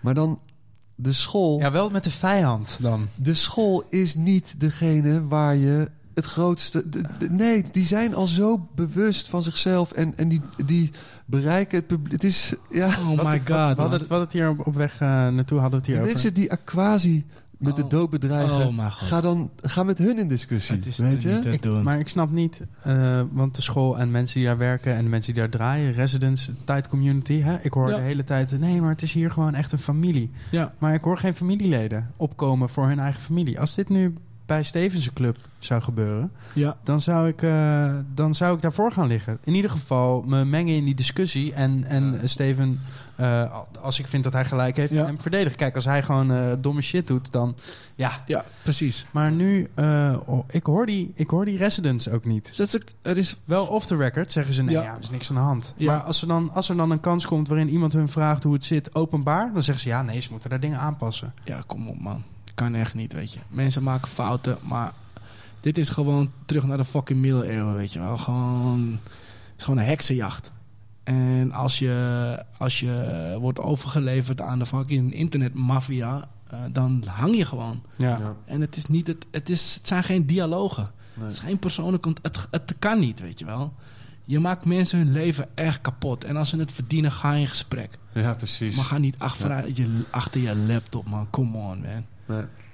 That's not the way. Echt Nee. niet. Wat ik wel een goede movement vind, is die, ehm, die K-pop eh, fans. Die eh, alle, die eh, volgens mij met Trump hebben die alle, alle Ja, kaartjes die- gekocht voor zo'n rally. En dan Ja, dat en die die- zaal half leeg is. Amazing. En, Ja. en, die, en, die, en die kapen hashtags, toch? Ja, ja, Dat ja, is ja. zo goed. All Lives amazing. Matter hadden ze. Of White Lives Matter hadden ze dan gekaapt. En dan stonden alleen maar foto's van eh, Van BTS. K-pop. Ja, ja, ja. Maar Maar zo moet het, weet je wel. Fight fire with fire, maar dan voor de cause. Ja. maar ga Ja. niemand cancelen. Nee. Weet je, of zodra je iemand cancelt of... Ja, ik word ook best wel moe hoor, van non-blacks die zich zo inzetten nu op... Yo, relax, weet Ja, je wel. het is- Yo, chill. ja, En wat dat betreft is het, en eh, ik spreek als witte, het is niet aan ons. Het is aan niet ons allemaal. Het is in ieder geval niet aan mij om, dat, ze- om die Nee, dingen te, nee, te, nee, rollen. Nee, maar kijk, je hoort, je hoort de hele tijd eh, white silence is, is violence. Maar sommige mensen die nemen dat iets te... Ja, man, daar, daar ga ik Ja. ook echt mega slecht op. En het is ook, weet je, ze gaan voorbij aan de verbinding, toch? Ja. En als je je, als je, je ongemakkelijk voelt of je, je weet niet wat je moet doen, gather your thoughts, weet je wel. Zet het op papier, laat het even liggen, maar ga ja, niet niet. Retweeten en foto's en yo, we weten Shaming, ja. je, we- we- je staat aan de goede kant, schat. Ja. Het is oké. Heb jij zelf wel eens iets, iets meegemaakt in deze sfeer? Dat je, Als in je- racisme? Ja. Ja, maar toen was ik klein. Eh, ja, zeker. Zeker. Maar... Alleen toen je klein was. Ja, want op een gegeven moment... Kijk, op het moment dat jij... Ik ben geboren en getogen in deze stad, dus... En ehm, ik, woon op, ik woonde 20 jaar in het centrum. En dat, is- dat, daar woont, werkt iedereen. Niemand spreekt bijna Nederlands daar. Ja, precies. Daar kom je het niet echt tegen. En eh, als DJ, en zeker, kijk, ik kom gewoon van simpele kom af waar iedereen gewoon een baan heeft. Dus ik moest dit gevecht, eh, eh, dat ik niet een reguliere baan heb ik al gevoerd. Snap je? Ik heb pas, denk ik, tien jaar, nou, korter, denk dat ik drie jaar aan de DJ was, pas echt kunnen vertellen aan mijn vader joh, wat ik eigenlijk deed. Maar daarvoor was hij wat de fuck ben jij aan het doen, weet je wel? Oh, je gaat stoppen? op je HAO, what the fuck, weet je wel. dus het, het werd niet gestimuleerd, niet omdat ze het niet... Maar het was gewoon niet, begrijp je? Dus ik, dat, die had ik al. En in het nachtleven, dat, dat is het mooie aan het nachtleven. Er is geen kleur daar. Nee. Alleen, alleen Het is te de- donker om het te zien. het is maar daar, Ja. het, het- de beste nachtclubs zijn toch die donkere nachtclubs. Ja, man. Snap je? Ja. En, en kleur wordt alleen echt gemeten aan de kassa. Weet je wel? Het Ja. Roxy-verhaal. Gasten spenderen niks, dus yo, deur dicht. Ja, Ja. ja, Snap ja, je? ja, ja. Maar op het moment, if it done right, als, als iedereen bij elkaar is, het allermooiste wat er is. Als je, en dan ben je veilig en muziek verbindt, weet je wel. Daarna ben ik weer terug. Een soort van, die liefde heb ik weer teruggevonden voor het nachtleven en voor muziek. Ik was het even een tijdje kwijt. Maar eh, het is mooi, als het, if, it, if it all comes together is het mooiste wat er is. Ja, want je hebt op een gegeven moment heb je je allerlaatste show. Maar je bent wel een Ah. paar keer Ik gestopt. heb zo een paar keer gestopt. The Great Escape. Vo- voordat, voordat we het over stoppen gaan hebben. ja, ja. want- je zegt je bent opgegroeid in het centrum van, van, van Amsterdam. Wat, wat, wat voor gezin? Ja, Eh, ik ben niet opgegroeid in het centrum. Ik ben eh, Amsterdam-Oost geboren, eh, opgegroeid in West. Mm. Eh, en sinds ik bij Fatbeats eh, werkte, heb ik eh, altijd een plekje in het centrum kunnen bemachtigen. Maar ik ben gewoon eh, Amsterdam-West, Bosselommer. En eh, vier, vijf keer in de week voetballen, zodat ik niet op straat hoefde rond te hangen. Dat was, dat was, de, dat was de strategie van mijn vader. En was het... Ga, ga maar trainen. Dan hoef je niet te, hangen op straat. Ja, hij hoopt ook dat je profvoetballer zou worden, of niet? Ja, dat hoopte. Ja, het ging ook best wel lekker. Op een gegeven moment trainde ik, eh, zat ik bij het Amsterdamse team. Eh, en ik nog, ik heb nog, een paar- ik heb nog een wedstrijd tegen Clarence Seedorf met Seedorf voetbal. Zes, wat dat hij denk ik 15. Circa fucking. Ja, man. Ik voetbal, ik trainde op een gegeven moment elke woensdag bij Ajax. Op, het, op, eh, op de toekomst. Mhm. Maar, maar het was nog niet de toekomst. Dat was eh, bij, vlakbij Voorland. En dan, dan speelde je één keer in het jaar. Speelde je, in het seizoen speelde je dan tegen Kluivert. En, en dat jaar daarna had ik een eh, knieblessure opgelopen. Mijn- het kraakbeen onder mijn knie brokkelde te snel af. Dus dat ging ontsteken. En toen zei die, zei die dokter, je moet een jaar stoppen. En toen was het afgelopen. Toen kwam ik terug en toen lonkte het nachtleven al. En toen, Maar, en, Ja, is niet te combineren in die handel. niet maar en- en muziek thuis? Werd er veel gedraaid? Of? Ja, veel, veel zwarte popmuziek. Veel Earth, Wind and Fire en veel salsa. En, maar ook gewoon eh, radio, Mm. weet je wel. Eh, eh, dus ja, gewoon radiomuziek. Mm. Weet je wel, hits. Veel hits gewoon. Ja. En dan had mijn vader had een vriend Ronnie en die had dan een van four track en dan ging hij dan af en toe, dan ging hij dan de jewels halen, weet je wel, het SOS Band en eh eh, Gap, nou niet Gap Band, hoe heet hij nou, Be- Frankie Beverly Maze. Oh man, ik heb zoveel Maze geluisterd in de auto. Joy and Pain man, Ja? Maze. Oh man.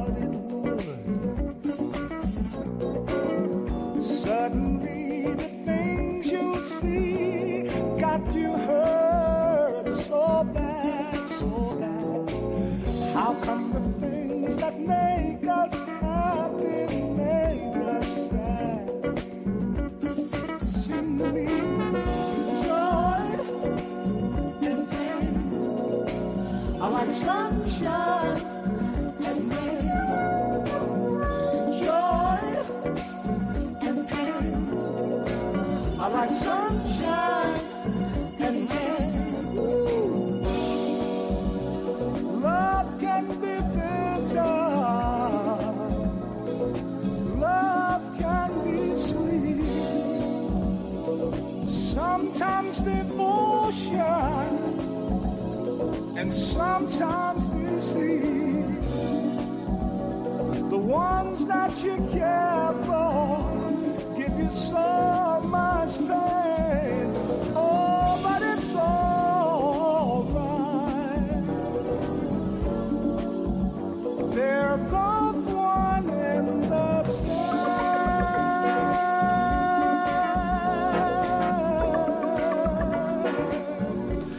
Nog steeds, ik, volgens mij heb ik het vorig jaar op, eh, op Lowlands gedraaid, of het jaar daarvoor, weet je. Dat op het moment dat hij dan live, dat iedereen Joy and Pain meezingt, oh man.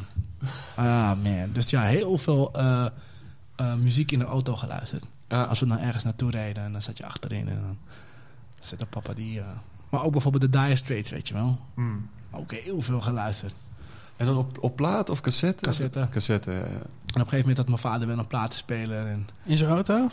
Hey. Sick. Ballen! ja, maar ik weet nog, hij had, die Pi- hij had een Pioneer platenspeler. Die heb ik toen ook meegenomen naar mijn kamer. toen hij er geen zin meer in had. Maar ik weet nog dat mijn broer de allereerste, zijn allereerste 12 inches Public Enemy, weet je, Rebel Without a Pause. Want je hebt een oudere broer. Ik heb een oudere broer en een jong broertje.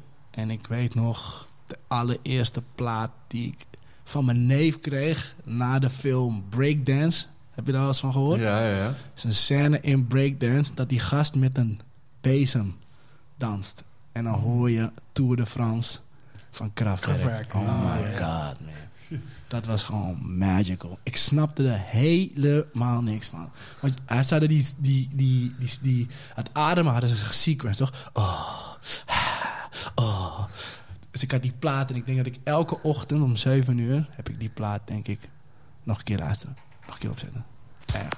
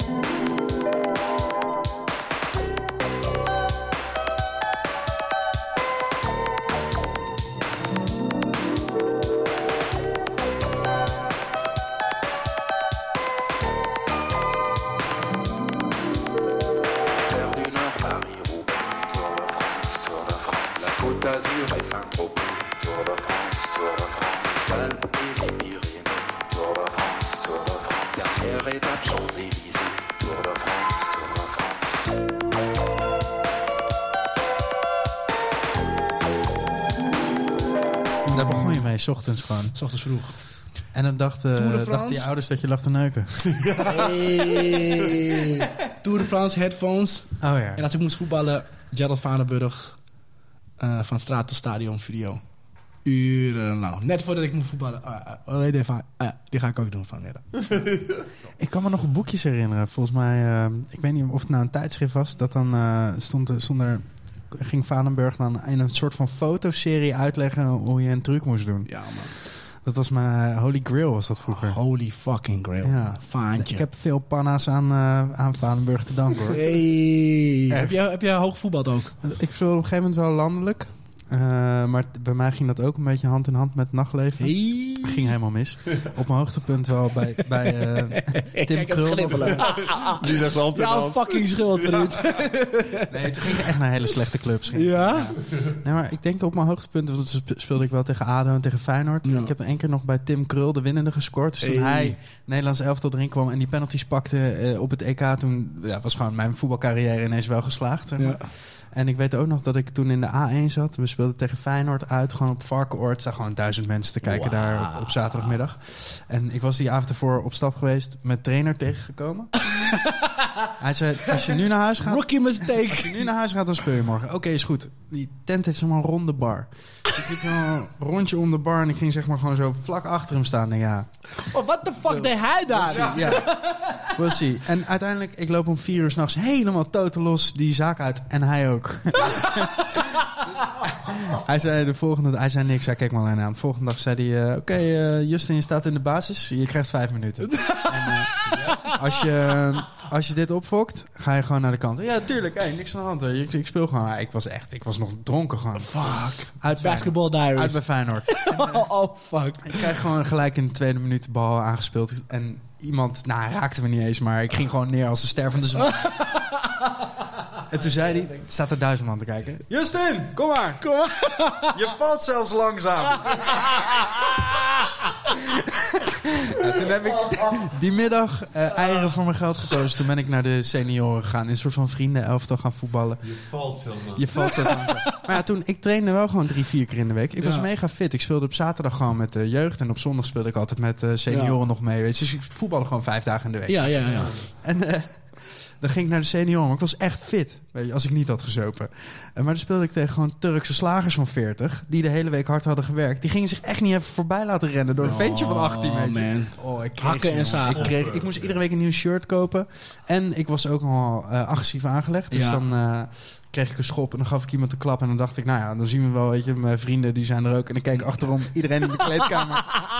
Justin tegen elf Turkse slagers van 40. Ja, mijn voetbalcarrière is toen eh, heel snel, heel snel afgelopen. Oh, mijn god. Ja, die, eh, herkenbaar, vriend. Ja, toch? Ja, 100%. Het niet te rijmen gewoon eigenlijk met nee, elkaar. Nee, zeker niet.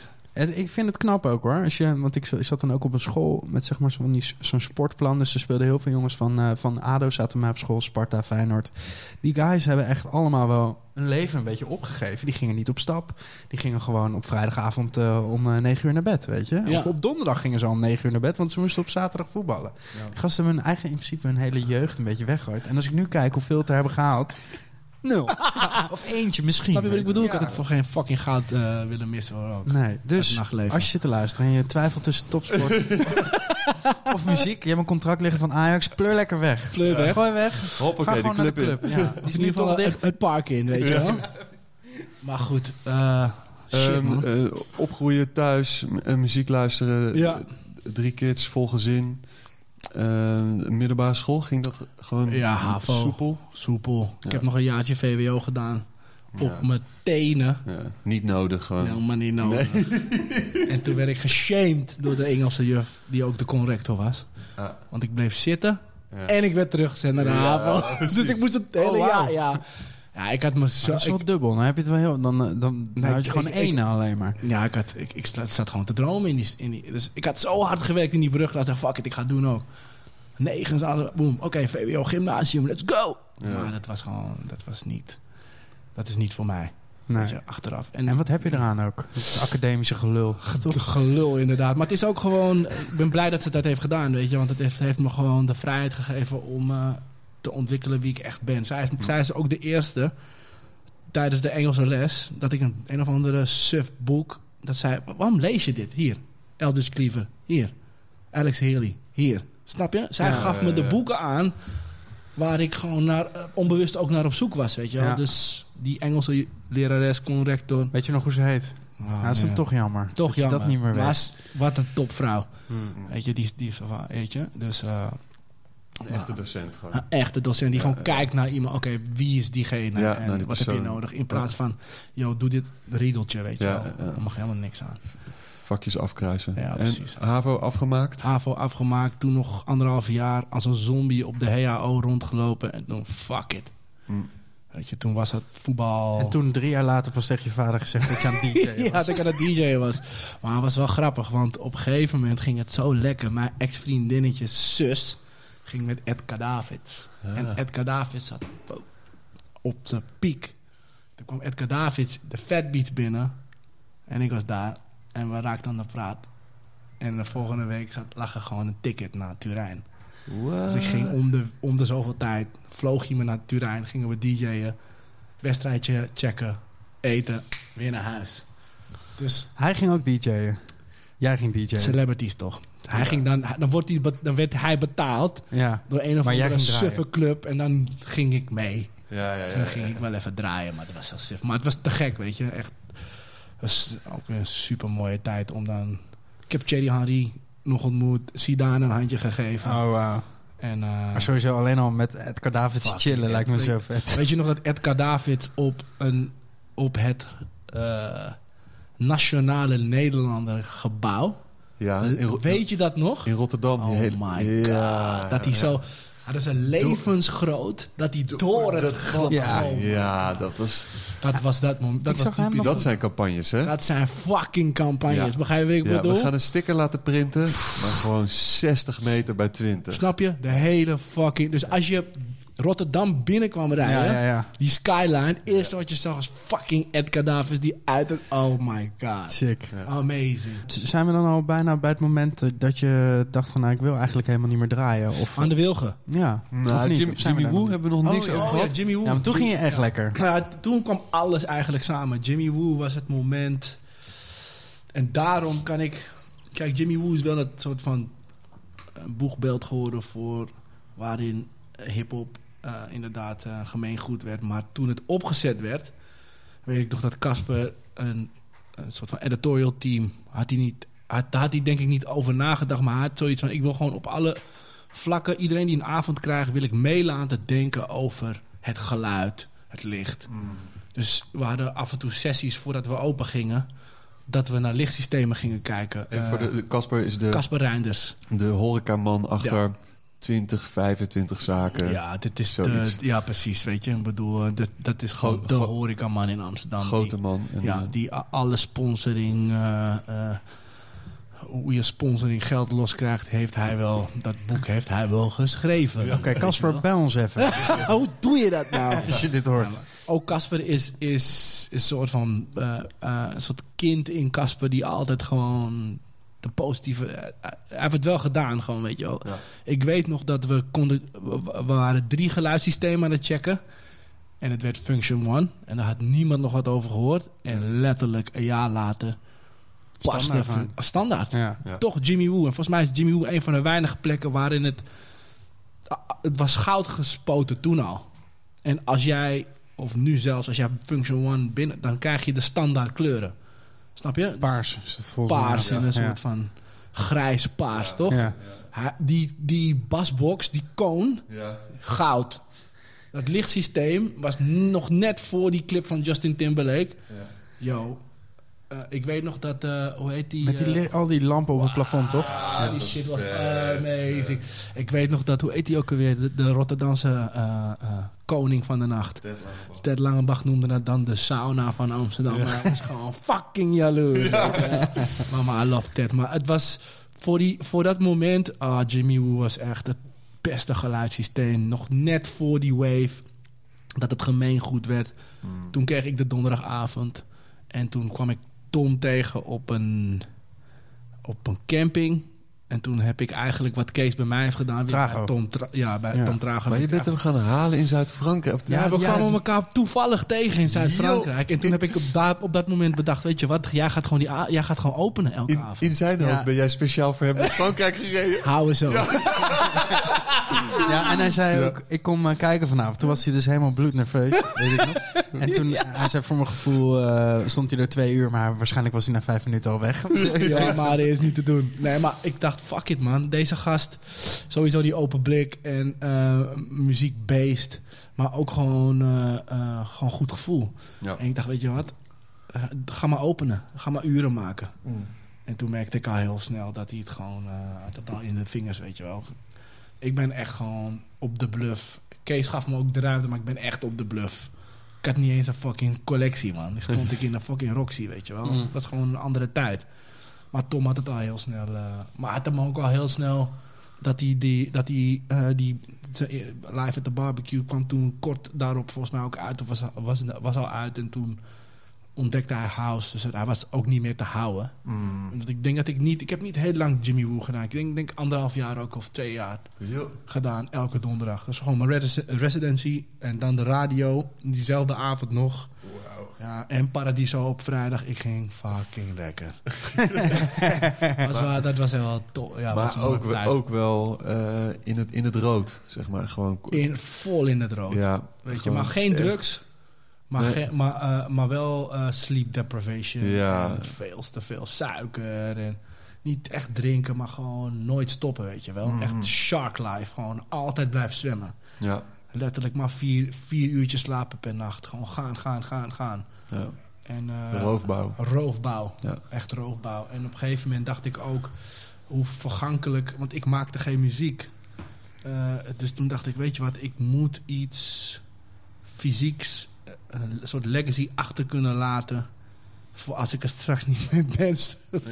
Mega dramatisch. Maar toen begonnen Edson en G Pata. Toen kregen wij Piet helemaal bovenin zijn eh, kantoor. Ik op de begane grond. En drie, vier jaar later eh, dacht, eh, had ik, hadden we een idee om die winkel op te zetten. Die Precinct 5 winkel. Oh Dat ja. is met Pata. Ja, ja, ja. En Precinct, en. Precinct 5 was dan de... Dat is 2009 En dat was dan een soort de high-end versie van... van Pata. Dus Ja. van Pata Street Entry Sneakers ging, ging ehm, Precinct 5. Precinct 5 net een stapje omhoog. Maar jullie zaten ook... Wat, eh, je zat Ah, ook Kalverstraat of ja, zo, toch? Zaten op de... eh, ken je die film eh eh, Being John Malkovich? Ja. De 2,5 verdieping? Ja. Dus als je de, als je de eh Kalvertoren inkwam, zat er een tussenverdieping waar niemand kwam. ja. Maar die had zijn eigen opgang via de single. Dus een eigen lift. En daar begon die experience. Ja. En toen hebben we een soort van modulair systeem ontwikkeld met een, met een, met een jongen, met een groep architecten. Waar we de hele winkel van bouwden. En die zat op een gegeven moment zaten die op een soort katrollen. En ja, het was Te- tien jaar zijn tijd vooruit. Te next level eigenlijk. next level, veel te jong, veel te wilde het te graag. Eh, niet bezig in, met het proces, veel, veel te veel. kwam van het podium af, iedereen eh Hosanna. En toen moest ik opeens team, teamplayer worden. Nou, dat ging gewoon mis. En toen ging ik ook nog stoppen met DJ'en. Maar echt, het, het- Om je te richten op die winkel eigenlijk. Ja, omdat ik gewoon geïnspireerd op wat, wat Edson en Guillaume hadden opgezet. Dat fysieke, die community, weet je wel. Dat was eigenlijk een extensie. Dat zou de volgende familie, soort branch worden van... Maar dat was gewoon niet, was niet gegeven. We hebben het nog tot 2012 volgehouden met hele mooie projecten. Maar het was gewoon te vroeg en eh, mega veel van geleerd. Maar dat was stoppen met DJ'en, direct, direct iets anders gaan doen. Mega hoog gegrepen. Eh, eh, ja, dat was het eigenlijk. En toen ben, was ik ook genoodzaakt om... Kijk, uiteindelijk... ehm, die, DJ kon ik redelijk goed. Maar ik vond eigenlijk het samenbrengen van mensen nog veel leuker dan uiteindelijk die platen opzetten. Ik vind het nog steeds super tof, want het is de veiligste plek in de club. ja, Je ja. bepaalt de sfeer, Ja, ja. maar je hoeft met niemand te dealen. Ja, ja. Toch? Dus als het, en als het lekker gaat, Ja. gaat het fucking lekker. Ja. Eh, maar omdat ik ook al die flyers deed en of in ieder geval dat hele concept vorm gaf, dacht ik, weet je wat, fuck it. Met die winkel, eh, ik, zie nooit, ik zag nooit het verschil tussen kleding, muziek en het is allemaal één ding. Dus ik dacht, met die winkel opzetten kunnen we daar de volgende stap in maken. En toen ben ik dat, dat marketing ding gaan.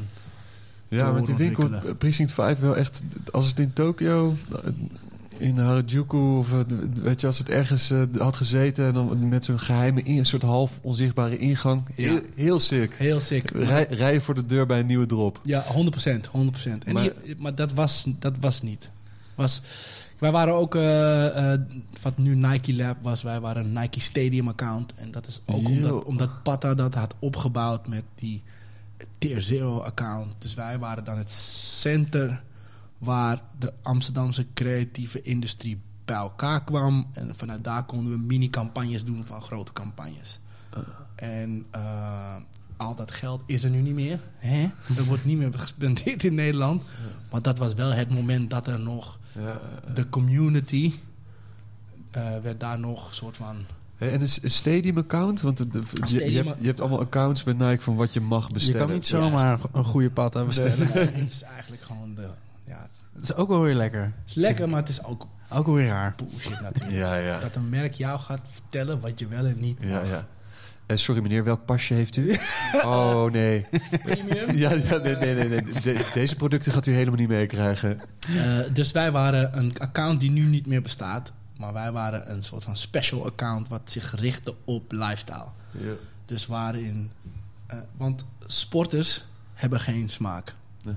Toch? Ik bedoel, kijk naar Neymar. Ja. Eh, oh, ze hebben, bedoel. Het zijn heel druk met, met Ze zijn andere druk met dingen. andere ja, dingen. Ja, ja, precies. En, eh, Niet met smaak.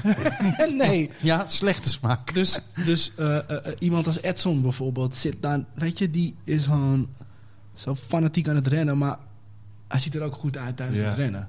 Ja. En dat, die pocket, dat, dat dingetje, daar, daar zaten wij, snap je? En waarin design, art, grafisch ontwerp, dat, als dat, dat bij elkaar kwam, da- daar hadden wij een soort van account van.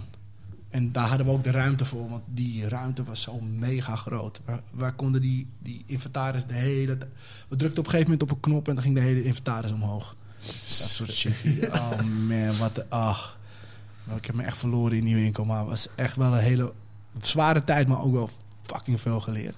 Maar veel, was het te moeilijk of was de drempel te hoog? Het, eh, was te- je, je kon het niet vinden. er was geen loop. Nee, maar sowieso, ik ben, ik ben er maar eens één of twee keer geweest, maar eh, je durft het spullen ook bijna niet aan te Nee, raken. het was gewoon die drempel was veel te hoog. Maar veel, veel geleerd, veel verloren. Veel mee.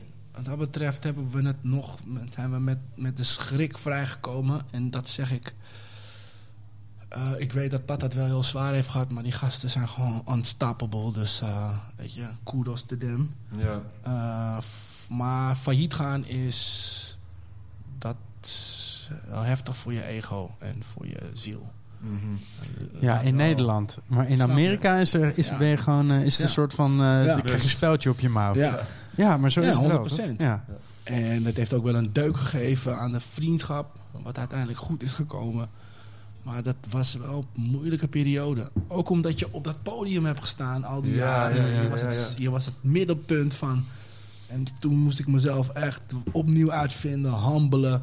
Het gaat niet over jou, je bent teamspeler. En, dan, en dat proces duurt gewoon lang, weet je wel. Dat kan niet draaien, hè, die week. Oh, Kijken of hij nog een keer wil. En weer nog een keer draaien. Ah, oké. Snap je? Maar, eh, eh, en nu eh, ben ik in de positie dat ik het niet hoef te doen draaien, weet je wel. Dus als ik dan draai, dan is het gewoon fucking leuk, weet je wel. Ja, ja. Ik heb nog de, volgens mij, ja, dat is de la- laatste weekenden van de school heb ik nog een plaatje opgezet. fucking amazing. ja. Ken je, dat, ken je dat kleine zaaltje, als je door die... Roken. eh, ja. Yeah. Ja, is lekker. Fuck man, ik mis het man, echt. Dus laten we hopen dat die shit gewoon snel weer wordt gefixt, weet je wel. ja. Maar eh, ja, dat was ehm eh, eh, best wel donkere periode. 2009, 2012 was echt zwaar. Hoe ben je daar uitgekomen? Hosselen gewoon. Casper kwam tot de... tot- die, die, die came to the rescue.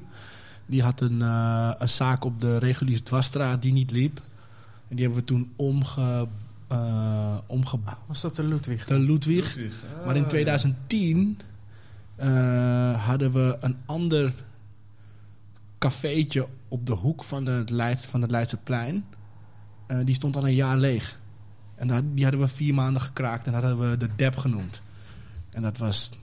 Dat daar heb ik mijn ziel verloren. elk weekend. Het ging het zo slecht dat ik... Oh, de Dep, ik... ik oh man, elk van Hadden jullie niet die kleine kaartjes? kleine Met die, kaartjes. die groene achtergrond en die roze Z-letters zo in de cirkel. Oh, dat heb ik, nog, heb ik nog steeds, dat kaartje. Editorial team. Guillaume Schmid, Femke Dekker en Vincent Vos. Ja, joh. Ja, ja, ja. En elk, elk weekend hadden we iets. Ja. En het was gewoon dansen op de rand van de vulkaan, weet je wel. Ik, eh, wa- ik had, we hadden allemaal druk, maar het moest er gewoon uit. Dus toen hebben we een soort eerste pop-up café. Rest, eh, nou, we deden geen eten, maar het was elk, elk weekend mayhem. Gewoon in een, een oud bruin café tot het gaatje gaan elk weekend. Terwijl je zo net geboren was. Nou ja. Oh man, ik ging echt slecht. maar het was wel echt, echt heel lekker, ja, ja, ja. En toen kwam Casper dus 2012. Die zei van luister, ik heb de Ludwig en eh, ik heb hulp nodig. En toen heb ik dat anderhalf jaar nog gedaan. En toen ben ik van de Ludwig steeds kleine, kleine projectjes gaan doen. Eh, de ruimte gekregen ook van, eh, van, van, eh, van mijn meisje toen om, om, om, om mezelf weer een soort van opnieuw iets te leren. En toen heb ik nog op een blauwe maandag tussen 2014 en 16 eh, een soort vrije rol bij G-Star gekregen. En heel veel geleerd op corporate niveau. Ja. Maar ik zat daar echt soort van oef. Maar, maar dat had ook wel iets met muziek te maken, of niet? Ja, dus, dus ehm, ik kreeg, dat was wel echt heel tof. Ik kreeg een vrije rol van de baas. En het was eigenlijk het gewoon het hoe, hoe ontwikkel je weer een soort van cultuur en, en maak je weer aansluiting tot de creatieve industrie. Eh, eh, maar uiteindelijk eh, heel veel, aan heel veel projecten meegewerkt, maar niks was letterlijk alles was geshelft. Alles ging de ijskast in. Jo. Ja, was heel heftig, maar heel veel geleerd. Maar hoe, hoe, hoe, hoe ontstond die positie? Als DJ eh, denk ik dat ik me wel al, eh, doordat ik die flyers deed en hele geheel concepten, de dep en dat soort dingen. Ja, maar G-Star die, die, die, die volgde dat Toen- niet, ja, maar toen deed je ik ook deed al alle Nike, toch? feesten van hun. Ah. Hey, alle bedrijfsfeesten, die B2B feesten waar de Ja. jeugd ook optrad, Ja, ja, ja. die ja, ja, deed ja. ik altijd. Dus ik had gewoon, ik was wel kind aan huis daar. Ik droeg het niet, Nee. ik was wel kind aan huis. Ik zou nu wel weer zo'n Elwood eh, willen, zou ik laatst denken. Maar luister, wel ik die heb oude nog- gewoon, hè? Ik heb nog gewerkt aan 20 jaar Elwood. Ja. Oh, pff, man, zulke goede plannen. Maar eh, ja, die heb ik toen nog gekocht, maar dat was toch kut. Ik Ja, wil toch gewoon die, die ik vroeger had, op de Ja. middelbare school gaan. Die- nee, het zoveel potentie in dat merk, maar ehm, het mocht niet baten. Maar wat mocht niet baten? Want in principe hun... hun- Uiteindelijk, ik had het vanmiddag nog over, dit merk is eh, zo sterk in eh, geweest in eh, wholesale. Dus dat je de mensen die het merk voor je moesten verkopen op straatniveau, als je die, dat dat jouw community is, Ja. zij waren de allerbeste. Dus zij konden gewoon iedereen, iedereen supporten hun. Maar de stap die we nu maken in retail, maar ook in muziek, is dat je van eh, product, je art, direct naar de fan gaat. Die stap kunnen ze niet maken. Ze hebben altijd de retailer op straatniveau nodig gehad. En daar waren ze heel goed in. Maar die, die, die retailer, die winkel, die heeft het zo fucking zwaar. Ja. Dus je bent genoodzaakt om direct met je fans Hmm. in contact te zijn. En die stap is niet voor iedereen. Daarom is, wat, daarom is Pata zo goed in wat ze doen. Daarom is Daily Paper zo goed in wat ze doen. Omdat ze, ze maken die, direct contact met hun fans. Ja. En daarom zijn de muzikanten, weet je, om weer terug te komen op waarom je geen zorgen hoeft te maken om opgezwollen. Er is direct contact met de fan. Ja. Als zij nu nog afhankelijk waren van radio, ander verhaal. ja, of een free record shop. Of, Of, ja, snap je wat ik bedoel? Want dan Ja, kom je ja. gewoon achterin. Ja. Hey, je, je relevant. Hmm. Het woord, re- je bent niet meer relevant. Wat is dat voor kutwoord, weet je wel? Hoezo ben ik niet... Oh, dus... eh, Tom ook, begrijp je? Ik bedoel, als jij op die leeftijd al live at the barbecue kan maken... Ja. Wat denk je dat hij over 20 jaar kan maken? Denk je dat hij dan verleerd is of zo? Ja. Nee, iemand wordt alleen maar beter. Relevant heeft alleen maar te maken met een soort van projectie op wat er nu speelt. Ja. Het heeft allemaal niks te maken met wat een artiest Geen, het heeft niks met de intrinsieke kwaliteit te maken. maar- Helemaal niet, Nee, weet nee, je wel. En dat is, eh, ja, dat is de tijd waar we nu in leven. De gift en de curse, weet je wel. Het is Ja, kut en- voor de retailers, maar... En ook, het moet nu. Het moet meteen. Het, het wordt uitgebracht en het moet meteen opge... En anders dan, is Bam! het, dan, is, dan, dan werkt het niet. Dan Terwijl, En eh, tegelijkertijd is dat ook een hoax. Ja, ja, ja. Want als je, je, je laat ook een legacy achter. Je laat ook een Google... Ja, ja. Als ik jou nu google en ik kom alleen maar troep tegen... ja. Dat- Wat, dat is waarschijnlijk zo. Snap je wat ik bedoel? Even Google mailen, even die geschiedenis wissen. Ja, maar toch, uiteindelijk als je, als je een, eh, eh, een artiest googelt... eh, eh, eh, en, je, en je, je komt gewoon, die, die catalogus komt voorbij... Ja, dan zeker. weet, dan weet je toch Ja. of je... ja. Ter- terug naar, terug naar eh, G-Star. Ja, Je komt daar nadat je die, eh, die, die bedrijfsfeesten hebt gedaan, kom je daar op gesprek. ja. Ik En- had, gewoon, ik had, ik had eh, met knikkende knie heb ik een, een appje gestuurd naar Jos van, van Tilburg. Ja, en twee dagen later, of een week later, eh, belde hij me terug. Toen ben ik op gesprek gegaan en toen hebben we eigenlijk... eh, let's go. Gelijk getekend. Ja. Maar eh, hij vond het niet raar dat je die kleren niet droeg.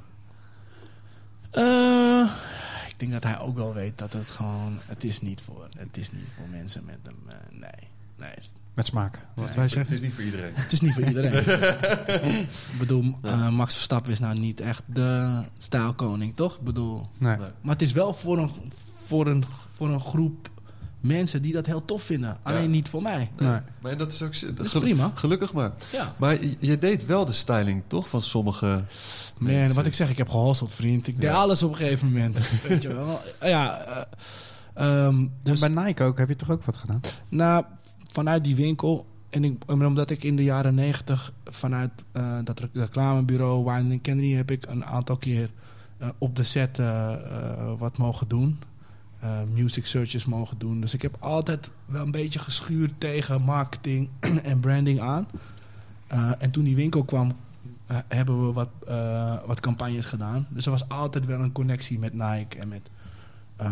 maar toen, toen, de toen Precinct 5 wegviel, viel dat ook weg in principe. Ik had altijd wel vrienden en mensen. Ja, ja. Maar eh, om het echt, om ook te snappen hoe die wereld, die corporate wereld werkt, dacht ik, weet je wat, fuck it man, ik ga gewoon, De induiken. ik duik er gewoon in, Ja. in het grootste, sterkste Nederlandse corporate eh, jeansmerk wat er toen Na, bestond. na Cars. ja, precies. Maar toch, ik bedoel, eh, we, we kunnen lacherig doen, maar deze gasten waren echt top of the hill hoor.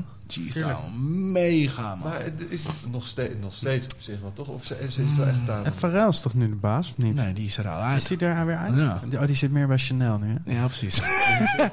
Die guy, jongen. Wat een enigma is Ja. dat. Ja. Snap je wat ik bedoel? Op een gegeven moment, fucking nee. Als je dan Pharrell binnenhaalt, dan, dan haal je toch de, de koning binnen. Dan Ja. moet het goed komen. Ja. Zo is hij er niet meer. Ja. Dat is eigenlijk in een notendop waar het. Ik weet niet. Ik weet niet genoeg van hoe dat werkt. Maar ik, waar, ik, wa- wa- waar ik denk ik een beetje verstand van heb, is hoe dat werkt in de perceptie van hoe een merk. eh, hoe mensen daar tegenaan kijken en of het ook echt leeft op straatniveau. Weet je wel, die, die, die grote Chanels, die hebben de code gekraakt, toch nu? Want het is niks veranderd. Ja. Je kan die spullen nog steeds niet betalen, maar je wil het wel hebben. Ja. Ja. Dat was 30 jaar geleden ook zo, Ja. toch? Ja. Maar met jeans lukt dat niet. Nee. Je wil het niet hebben, want ik ga gewoon naar de H&M of naar Uniqlo en ik koop. Ja. Snap je? Dus het is meer een, het is meer een soort van... Het is niet dat. Het is, het, het is niet iets wat je wil hebben. Dat heeft Nike wel. Nog steeds. Toch? Ja. Ja. En dat wilde ik leren. Daarover gesproken, Nike. Ik Wij, eh, we hebben nog eh, een paar nieuwe schoenen nodig. Het is lang geleden. Lucas. Een beetje te- Lucas, Lucas, lieve een vriend. paar van die geile sleetjes. Is lang geleden dat je ons een paar van die zalige schaatsen hebt opgestuurd. Heerlijk dat we hem gewoon bij naam en toenaam Ja, ja. Ja, maar zo, eh, zo zijn we daar aangekomen. Anders dan gebeurt het niet. Maar dat is zo grappig dat je zijn naam noemt. Want in de club mensen bij elkaar brengen. Vergis je niet hoe Ja. belangrijk dat is. In de club, jongen, gebeurt zoveel. Ja. En we, we doen er een beetje lacherig over. En eh, eh, nee, mensen bij elkaar komen onder, een, onder, vier, vijf- onder vier muren en een dak... is het allermoeilijkste wat er is. En als je dat kan en je kan promoten... En je, Ja. dat kan je overal. En ook nog eens een keer, eh, muziek eh, is zo puur in your face. Het is gewoon, tenminste ik, als ik een track hoor, bij 9 van de 10 keer weet ik meteen of ik het sick vind, ja of nee. En je bent dus in een hele zweterige, donkere ruimte met alle mensen die voor diezelfde soort sfeer, diezelfde muziek. En dus je hebt al, Ja, er, is, er is al ver- er is al connectie. ja, de, hoe je het, en, en zeker, ehm, bijvoorbeeld je staat te praten met iemand en er, er komt een plaat binnen. En ik kan gewoon, ik kan niet meer praten met Nee, jou. Het is klaar. Ik, ik moet die track horen Ja. nu. Maar als die ander dat dan ook heeft, dan, is het, dan ben je gelijk weer zes stappen verder. Snap je wat ik bedoel? Ja. En het is toch, als je ook de verhalen... ehm, want ik heb, via podcast doe ik heel veel research. Hoe, weet je, vooral in de muziekindustrie... hoe ENA's en pla zijn allemaal begonnen in de clubs. Ja. Allemaal begonnen met het promoten van muziek. Mensen bij elkaar brengen, relaties opbouwen. Muziek, jongen, het is zo belangrijk. Het speelt zo'n belangrijke rol in, in, in ons leven. En het is gewoon... Ik, het- moet je je voorstellen dat je nu DJ bent, man. What the fuck? Ja. Ja, maar oh ja, of, een, eh, of een club hebt. Oh mijn god, eigenaar. Fucked up, man. Maar ook als je dan nu kijkt naar de, naar je af, de afgelopen tien jaar... Hmm. en hoe vanzelfsprekend die club was in je leven... en dat je af en toe denkt, nou, ik ga wat minder naar de club. En dat het dan wegvalt, zoals nu... om zo'n reden die je gewoon nooit had kunnen verzinnen eigenlijk. Nee. Of, of je bent s- 17, net 18 geworden Ja. en je hebt er drie jaar naar uitgekeken. Ja, voor die mensen vind ik het allerergste. eindelijk met je grote broer of zus Ga je mee? eindelijk naar die club kan. Ja. En dan vlak voordat je, je zit in je eindexamen echt zo... Je wil naar Salau. Je hebt je ticket voor Lowlands, heb je met veel Ja. bij elkaar sprokkelen. Je en bent aan het sparen voor ecstasy. en, en- ja, precies. En, en, en iedereen is gewoon eh, ja, een soort... eh, nou ja, lekker binnen blijven, joh. Hier is, een, hier is een iPad. Lekker een beetje oefenen. Ja, Toch? Ja. En, Mijn mijn eerste club experience was een online festival. ja, zo. Oké, nou. Kijk, Ja, uiteindelijk, weet je, de jeugd is niet te stoppen, weet je. They'll find a fucking way. Ja. Komt helemaal goed. Maar ik zit er nu over na te denken. Je had geen Nintendo's en shit vroeger. Dus uiteindelijk, wat deed je in de jaren 60? Ging je maar gitaar leren spelen. Ja. Misschien is, komt er weer een, een, een, een revival dat, dat kids genoodzaakt zijn om ook een instrument te spelen of zo, weet je wel. Ja, of buiten spelen. Fucking buiten spelen. Ja, nou, ik, ik help het je hopen, maar ik ben wel bang dat er vooral eh, game developers uit... Oh my Laatst, wie zei dat nou over, over ehm, zeg maar een gitarist? Hè? Dan ben je rock and roll. Ja. Maar toch heb je, het, eh, heb, je op, heb je in het begin gitaarles moeten nemen. En Dat Ja. is helemaal absoluut niet rock and roll. Oh, niet, Want toch? je doet heel erg je best ervoor om de rest van je leven te doen alsof, je, je- nergens je best voor doet. ja. Ja, maar ja, d- Oké, nou. dat is toch die, eh, die track van de jeugd. Is, eh, het ziet eruit alsof het makkelijk is. eh, Het is makkelijk voor mij of zo. Het? is die tekst. Ja, ja, ja, ja. nou, ik kan hem... Makkelijk voor ons. Ja, Dat is het- voor mij, ja. ja, dat is natuurlijk ook. Je moet zo lang oefenen dat het lijkt alsof het helemaal geen moeite Ja. kost. Ja, dat precies, is, ja. Je moet die 10.000 uur toch maken, weet je wel. Dus toen, Ja. Omdat ik constant aan het schuren was met die merken en toch kenden ze allemaal. En af en toe was er, was er budget om iets te doen. En ehm, dacht ik, weet je wat, laat me ook gewoon maar uit gaan vogelen hoe het dan werkt. Laat me dan maar gewoon op mijn bek gaan hosselen en eh, maar uitvogelen. En eh, Alles in de koelkast. alles in de koelkast bij G-Star. Fucking goede les ook weer. Eh, dat je op je intuïtie moet vertrouwen, maar dat je, dat je weet dat je technisch niet genoeg onderlegd bent. Dus je moet ook gewoon je bek houden. Je bent gewoon nog niet goed genoeg. Toen ik voor het eerst een fucking...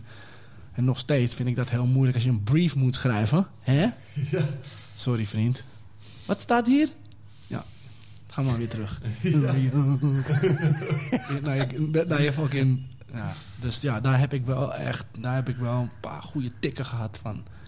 Van hele goede marketeers en mensen die het echt snappen. Maar ja, die corporate, weet je wel, die, die, die, die intuïtief weten ze wel, maar uiteindelijk zit je aan een dood paard te trekken. Ja.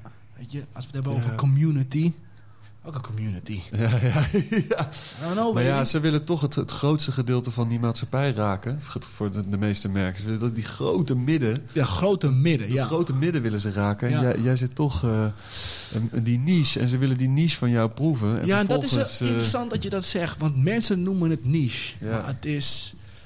Ik, ben, ik geloof heilig dat dat middenkader ja. eigenlijk niet meer bestaat, hè? Het is, het is, als we het eventjes op, het is nog steeds Chanel, Louis Vuitton Ja, ja. en een paar Nikes. Ja, ja, ja. De rest daartussen, het is gewoon, oh ja, ik ga nu even naar de H&M en dan over twee weken gooi ik het weer weg. Ja, ja. Het is niet, you don't love that shit, Nee. begrijp je? Dus hoe, hoe, hoe, hoe kan je jezelf weer heruitvinden? Hoe eh, vallen mensen, hoe worden weer verliefd op je merk of op je, het, datgene wat je uitdraagt? Ja, maar komt je dat wel? niet nu juist? Is dat niet nu juist aan de gang? Dat mensen wel meer geven om eh, dan maar een duurdere spijkerbroek te kopen? Ik hoop het. Ik bedoel, Ik denk nog steeds dat het een kleine groep is. Want Ja, als je precies. kijkt naar in, in mijn bubbel. Ja, precies. Want ik heb het dan wel over wereldbevolking. Is Ja. nog steeds dat, dat, dat middensegment is het allergrootst. En dat zijn mensen die toch gewoon... Kijk, die maken ook een keuze klopt. in, in die winkel van wat ze aantrekken. Ja. En tegelijkertijd zijn dat wel gewoon... eh, de, Dat is waar de economie op draait. ja, de- nee, zeker. de maar daar heb ik ook gewoon een blinde vlek, merk ik, weet je wel. Maar ik, ik heb zo'n sterke de overtuiging dat die, dat die kopgroep, die trends, toch... Er wordt toch steeds naar die kop, door dat middenkader, Ja, naar die ja. kop, topgroep gekeken. En naar die underground Ja. voor de inspiratie. Precies, maar... maar Dus het is belangrijk dat ze blijven bestaan, weet je wel. Het is belangrijk dat de school de school blijft. ja, ja. Begrijp je? Het is belangrijk dat een, een, een topkunstenaar doet Ja, wat en- hij of zij doet. En dat een Chanel-tas gewoon 3.500 Ja, euro blijft. laat is- het zo. Ja, ja. Was hij maar 3.500? Nee, maar iedereen, inderdaad, iedereen heeft zijn plek. En ik merk dat ik ook die blinde vlek heb voor dat middenkader. Maar ik ben... Dat is goed. Jij moet niet naar dat middenkader Nee, kijken. wil ik helemaal niet. Fuck middenkamers. Nee, maar juist niet. Juist, juist die, eh, die, die, die, die bovenkant die vaak in de koelkast eh, eh, eindigt. Maar het allerlekkerste dingen staan in die koelkast. 100 Weet je, als je de fucking sleutel hebt. Dan... ja, ja, Ja, maar ik merk, ik merk wel... Kijk, weet je, op een gegeven moment is underground is ook opgelost, toch? Dat woord Ja. underground bestaat Nee. bijna niet meer. Nee. En, en, eh, en daarin merk ik ook dat, dat je niet meer gemarginaliseerd hoeft te worden. Mhm. Oh nee, dat is, dat is underground. Oh, dat is niche, dus het doet niet mee. Nee, het doet wel mee. Ja. Begrijp je? En als de midden... En als dat Underground matters. 100% vriend. Yo, we gaan het nu vastleggen. Nee, maar als, en daarom vind ik ook dat, er, dat, er, eh, dat, we, de, dat we het moeten koesteren, weet je wel. Hmm. Die, die, die, die, die mensen, kids die risico nemen, eh, eh, dingen doen die, die, niet, die, niet het, die, die toch het, de, de status quo tarten. Dan moeten we, eh, eh, we moeten die mensen, eh, eh, die, dan moeten, die moeten we helpen. Die, Ja, ja. moeten, dan moeten we een plek voor... eh, Hey, en je zegt de underground moet blijven. En hoe kijk je dan tegenaan dat, dat een, eh, het aan de ene kant kunnen merken... zeker underground artiesten of ontwerpers helpen. En tegelijkertijd is, zit daar ook een spanning? nou ja, even los van de underground. De wereld staat in, van de, in vuur en vlam. Hè? precies. En ehm, eh, we zijn nu op het punt dat we in in ieder geval in de bubbel zijn we bewust over wat we eten. Ja, Maar hoezo ben je niet bewust wat je consumeert naast eten? ja. Hoezo is het vanzelfsprekend dat je twee keer in de week naar de H&M gaat? Why? De grootste vervuilers van de fucking aarde. Ja.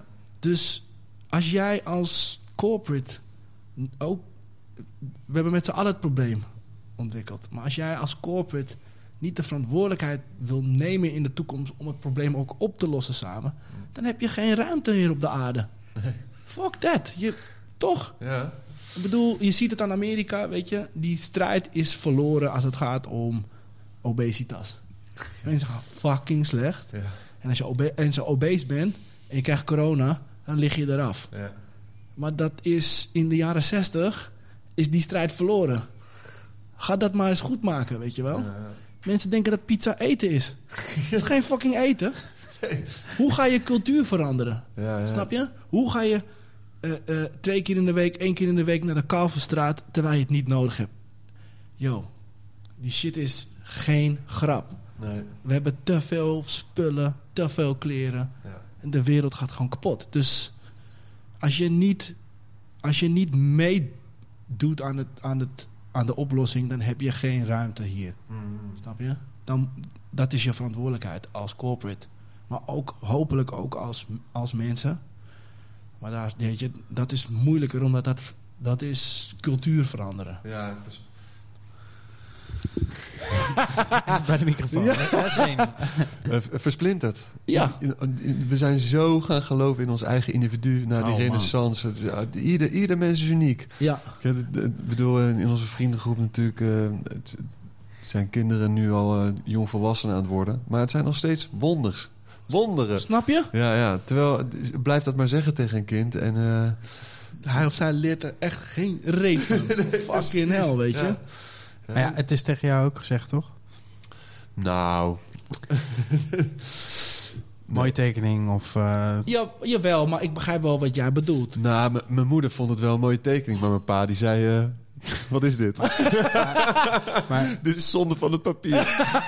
dus echt, die zit, mijn zoontje is goed. gisteren echt een hele lelijke piraat. Ja. Ja. Zeg ik gewoon dat hij mooi is om niet zo hard te breken. Moet ik dan zeggen, wel een lelijk ding. Nee, nee, nee, nee. Nee, maar je kan wel zeggen, nou, dat is een goede eerste stap. Ja, het Het is een verschil. ja, het- Ja. Nee, maar het, is het, het zijn de kleine dingen, weet je wel. Ehm, eh, het consumeren van... ik bedoel, ik doe er zelf ook aan mee. Begrijp je? Het consumeren van kleding. ja. Dat is net zo heftig als het consumeren van eten wat geen eten is. Ja. Wat je niet nodig hebt. En ehm, als je daar niet bewust mee omgaat... en je hebt kinderen, dan wordt het voor hun... Hoe, hoe ga ik dat omzetten? Hmm. Hoe, hoe, hoe, hoe verander ik die cultuur bij je eigen kinderen, weet je wel? Eh, zij, we leven gewoon eh, eh, in een... eh, ja, ze, heb- ze hebben weinig tegenslag. Het gaat, het gaat gewoon echt heel erg goed. ja. Weet je, dus... en je hebt dat gewoon nodig om te groeien. Om, je moet problemen kunnen oplossen. Ik hoorde laatst... Weet je hoe... Dat je dat bijvoorbeeld sommige kids die, die de halve stad doorkrosten op hun elfde. Als ik mijn zoon nu vanuit hier naar Amsterdam-West laat fietsen... No fucking way. Maar vroeger was dat gewoon normaal. Ja, ja. Weet je, of dat je de bus pakte op, eh, op je Ja. negende. Maar je bedoelt dat hij, dat hij gewoon niet meer ook zijn eigen weg kan vinden eigenlijk. Snap je ja, wat ik bedoel? Het is een metafoor voor, weet je, die fucking apps en... Het is. Ik wil niet te veel in die rabbit hole gaan, maar gewoon de club als metafoor, weet je wel. Dat je met fucking knikkende knieën kom ik wel binnen. Als ik binnen ben, eh, wie kom ik tegen? ja. Die shit is zo vital. Ja. Begrijp je? Al die micro-elementen in, dat, in dat sociale exper- experiment. experiment ja, ja, ja, ja. is zo belangrijk. Ja. Echt, en daar moeten we echt voor En strijden. spijt als je 's ochtends wakker wordt. Wat we ook allemaal gezegd? Wacht even. Heb ik serieus gezegd dat ik... Weet je, dat ik de, al bij Nike werk? En ik zit er, weet je, nee, nee, ik heb een eigen zaak. Waarom? Dat was helemaal niet nodig. Ik heb ook helemaal niet getonkt. En, weet je, Ja, en, en ja, het, het, is, het, is, met... Hoe oud is die van jou? Mijn oudste is vijf en mijn jongste is twee. Ja, een compleet andere wereld. Ja. Waar zij in, eh, in op gaan groeien. Ja. Zeker. Toch? Sowieso. Hij denkt ook dat... eh, hij zegt tegen mij, mag ik eh, een, eh, weet ik veel, Playmobil poppetje? Dan zeg ik, nee man. Je hebt gisteren, vorige week hebben we nog wat gekocht, weet je. Even goed. Ja, Oké, dan vraag ik het toch aan de postbode. ja. toch? hij denkt gewoon dat die guy hem... Hij, maar ik bestel dit voor jou, hè? Ik vraag het aan de postbode. Top, creatief toch? Ja, het is wel lekker. Ja, dat is hij wel zegt goed. ook heel vaak, nu als hij me dan eh, boos wil maken, zegt hij: Je mag niet op mijn eh, feestje komen. Zeg ik: Ja, maar ik betaal heb- als, je, als ik niet mag komen, dan heb ik niet eens eh, appelsap geen en geen je? Wat, ga je doen? Dus, Oké, eh, oké, oké, dan mag je wel komen.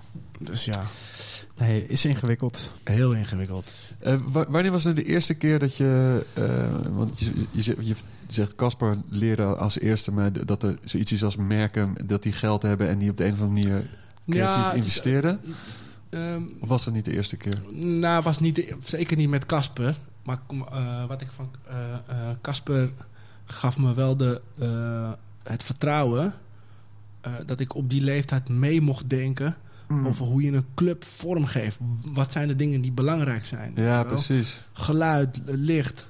eh, ehm, eh, weet je, ik was toch altijd ehm, eh, dat, die, die, die hippe, dat, dat hippe jongetje uit de stad. Maar dat iemand je echt verantwoordelijkheid geeft. Dat, je, dat je een stem had. Oh wauw man, yo, laten we... Ja, Function One moeten we doen. Dat was amazing, weet Ja, je wel. Dat iemand je dat, dat vertrouwen gaf. Maar ik, ik wist al heel snel... Ik ben gewoon ook best wel commercieel ingesteld uiteindelijk. Ja, maar ja. Ik, we- ik weet gewoon dat, daar, dat, dat, dat merken creatieven nodig hebben... om ziel te geven aan een merk. Ja, precies. Net zo goed dat ze atleten nodig hebben om ziel te geven aan je merk. Er was geen Nike zonder Jordan. Nee, precies. Snap je? Eh, Zonder Jordan hadden we nog allemaal bergschoenen gelopen Snap je nu. Ja, ja, ja. Ik bedoel, er is geen fucking... eh, Maar dat is, dat, dat is precies mijn vraag ook. De- wanneer was nou de eerste keer dat je dat, je dat zag en dat je ook die, die link ging maken? Dat jij, met voor mij ben je toch vooral in deze fase echt de connector tussen, tussen dat merk en de artiest. Dus ik... ehm, dat, is, dan eh, een beetje overgeslagen. Maar toen ik, toen ik stopte bij, ehm, bij eh, Fat Beats... toen leerde ik Jessica Gijssel kennen. En Jessica heeft het, eh, heeft het magazine Girl opgezet. Eh, en die was alweer connected met Job van Bennekom, die groep. En zij zijn toen een fanshop begonnen. En dat was letterlijk een ruimte midden van de stad die betaald werd door Nike, Adidas, Levi's. Die kregen gewoon geld om een winkel te cureren. En daar ging ik stage lopen. Moet je je voorstellen dat Nike en Adidas, die marketeers, zij, zij, waren, zij deden de allereerste wat je nu energy marketing of eh, eh, influencer marketing noemt. Dat deden zij eind jaren negentig al. Ja. En daar ging ik stage lopen. En toen merkte ik, wow, die merken hebben geld om hun, hun kleding te positioneren binnen een community. Ja, En ze hebben die community ook nodig om die indirect die, die, die producten aan de man te brengen. Dus die topgroep, weet je wel. En toen dat klikte, dacht ik, oké, er zit hier geld. Maar nog belangrijker is, die merken hebben die creatieve industrie nodig. Ja. Ze hebben die, die, die gasten die buiten de lijntjes durven te kleuren nodig. Net als een, net als een at- wat ik zeg, het is net als een atleet. Weet je, fucking eh, eh, Messi is geen Messi als hij niet buiten de lijntjes had. had eh, snap je? Ja. Ronaldo is, is niet Ronaldo als hij niet in plaats van 10.000 uur een miljoen uur. Ja. Snap je? Daarom is deze man zo'n fucking monster. En je wil, je wil connected als merk zijn met, met, met zo'n persoon. En dat kan je ook naar club en, en straatcultuur en mensen als Edson, die helemaal, die al voordat er sneakercultuur ontstond, al die fascinatie hadden voor bottom-up stijl en, snap je? Ja, en daar, en daar actie op ondernemen. Je hoeft ze niet eens te betalen. Nee, Begrijp je? Ze Ja. doen het al vanzelf. vanuit zichzelf. En als je, als je dat soort mensen kan, kan, kan binden aan je merk, die liefde voor dat product wat er al is, dan kan je goud maken. En dat is, daar zit de fascinatie. Maar het is hetzelfde voor met muziek, weet je wel. Hoe gek die fucking Kanye ook is, Ja. het, hij flikt het elke keer weer. Hij wordt nu president. Hij wordt fucking president. Je hebt die winkel gedaan voor hem toch ook? Ja, we hebben toen. eh werd ik benaderd door een, een, eh, een bureau uit Londen. Die, Niet door Kanye zelf, dat vind ik dan wel jammer. Jammer, hè? Ja, dat is jammer. Nee, er zit een. eh, maar hij heeft weer die regels. Uiteindelijk heeft hij de regels herschreven. Ja. Want eh, die winkel was eigenlijk. Als je ehm, in een notendop. Als je naar een concert ging. dan liep je altijd langs de merchandise. Toch? Ja. En daar wordt eigenlijk het geld verdiend. Ticketverkoop, platenverkoop, Merch. merch. Streep doorheen. Niemand, niemand maakt het, eh, eh, toch? Eh, streaming alleen voor de 0,0%. Mhm. Merch is direct to consumer. Ja. Dus hij heeft merch van het album op 24 plekken simultaan. We kregen een brandboek door. Zo moet die winkel eruit zien. Ik mocht niet eens een Big Pen gebruiken. Het moest een Sharpie zijn. Tot in detail. Ongelooflijk. Hij gooit die tweet eruit. En, en zes uur later staat er een rij... van begin van de Rozengracht tot aan de fucking... Nou, het is niet normaal. Voor een t-shirt van eh Halfmeijer. Niet eens. T-shirts waar dus PR, eh, mensen van de, van, de, van de bladen, niemand kreeg voorrang. Als jij zei van, ik kom van... Nee, je moet je achter in de rij staan. Want die kids hebben de hele, avond, de hele dag hier gestaan. Dat is wel weer Ja. hard. Fucking gangster. Ja. Snap je? Dus hij had per stad dezelfde merch, maar dan Amsterdam. Eh, en dat was dan drie dagen. En eh, wij hoefden eigenlijk alleen de, de productie te doen. Ja. Want hij promoten het zelf. Dus normaal doe je dat. Dan heb je een x-bedrag voor PR. Inkopen. eh, Dus je stond gewoon doos uit te pakken eigenlijk. Fucking doos uit te pakken. maar hij gaf mij wel weer indirect een... een, een eh, oog, opende mijn ogen hoe dat werkt als artiest in de nieuwe tijd. Weet je wel. Als, als ik geen... Als ik bijna geen geld kan verdienen met, met het verkopen van platen, of hoe, hoe, hoe kan ik toch mijn fans bereiken? Hij is toch wel de rattenvanger van Hamelen hoor. Motherfucking guy. Wauw.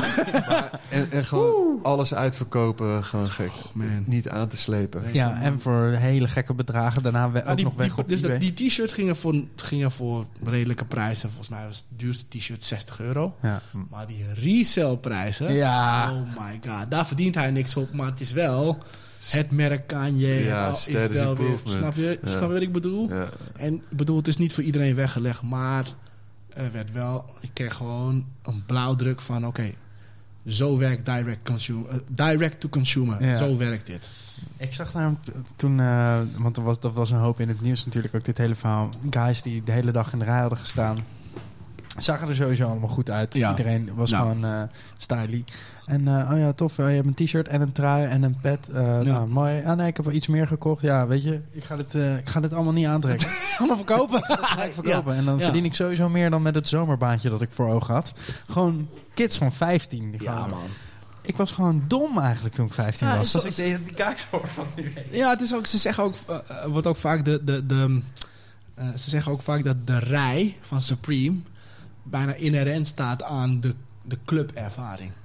Want je staat in die rij alsof je naar een club gaat. Ja.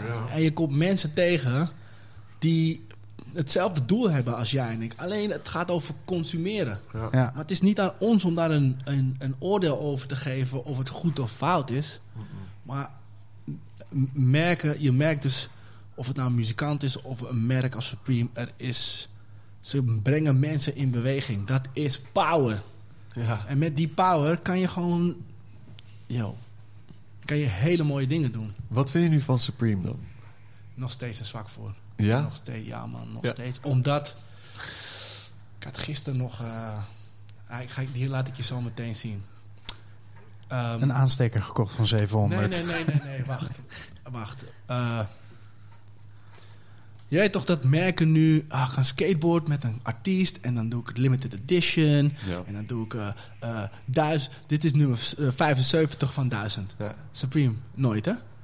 Pieter Seville met Supreme in 2006 kon je gewoon kopen. Was geen rij, was geen bot. Je moest alleen in New York zijn om het te kunnen kopen. Ja. Maar de mensen die opletten, die konden het kopen. Sweater van Supreme, 20 jaar geleden, heb ik nog steeds, is gemaakt in Canada, niet in China. Snap je? Dus geen outsourcing, niks. Nu, Pharoah Sanders. Heb je dat gezien? Nee. Pharoah Sanders zit in een drie minuten Supreme clip waar hij gewoon speelt. Oké. Why Pharoah Sanders? Die, die naam eh, eh, gaat niet bij mij gelijk in Oké, bel. je hebt Alice Coltrane, Ja. John Coltrane, Ja. Pharoah Sanders, Ah. Je jazz. Oké. Ja, ja, ja, ja. Dat zou je, je zou niet denken, toch? Nee. Skateboardmerk. Ja, ja. Dat is waarom ik van die gasten nog steeds heads off. ja Omdat ze keuzes maken. En daarnaast... ehm, het is een skateboardmerk. Hmm. Kijk, Ralph Lauren is gefabriceerd, toch? Is een marketingtruc. Polo. Ja. Niemand speelt polo. Bullshit. Dat is de American Dream, toch? Ja, ja, ja, ja. Maar is cool. Want we still love it. Ja, ja, De precies. beste gefabriceerde American Dream in een product wat je kan kopen. En Ralph is een fucking baas. maar James Jebbia van Supreme is de anti-hero. Ja. Snap je? Want als jij naar een videootje kijkt van een skater in Supreme, die gesponsord wordt door Supreme, doet hij dingen die jij en ik niet kunnen. Make it look easy. Ja, ja, ja. En je kan dus nog steeds. Je kan ook nog een soort van. Je kan sporten. Soort van, toch? Mhm. Het is gewoon een sport. Ja. In die, in die kleding. En ik denk dat het internet het gewoon echt heeft verpest. Die bots en technologie heeft dat merk in de perceptie kapot gemaakt. Maar in essentie kan je een shirt van 60 euro met een print van Daniel Johnson kan je kopen. Mhm. En dan weten de helft weet niet eens wie Daniel Johnston is. Maar het feit dat ze het doen, fucking eindbazen. En ze doen het niet omdat het hype is. Ze deden het al. Ja, ja, ja. Pieter Seville, fucking, weet je, de list goes fucking on. Deze gasten, ik heb een shirt, ga ik je zo laten zien. Je moet ons veel laten zien nog. Nee, ik ga je wat dingen laten zien. Maar Guillaume weet dit. Zat op een gegeven moment zat er een, een, een, ehm, een designer eh, eh, aan de achterkant bij Supreme. en die had Opland gevonden.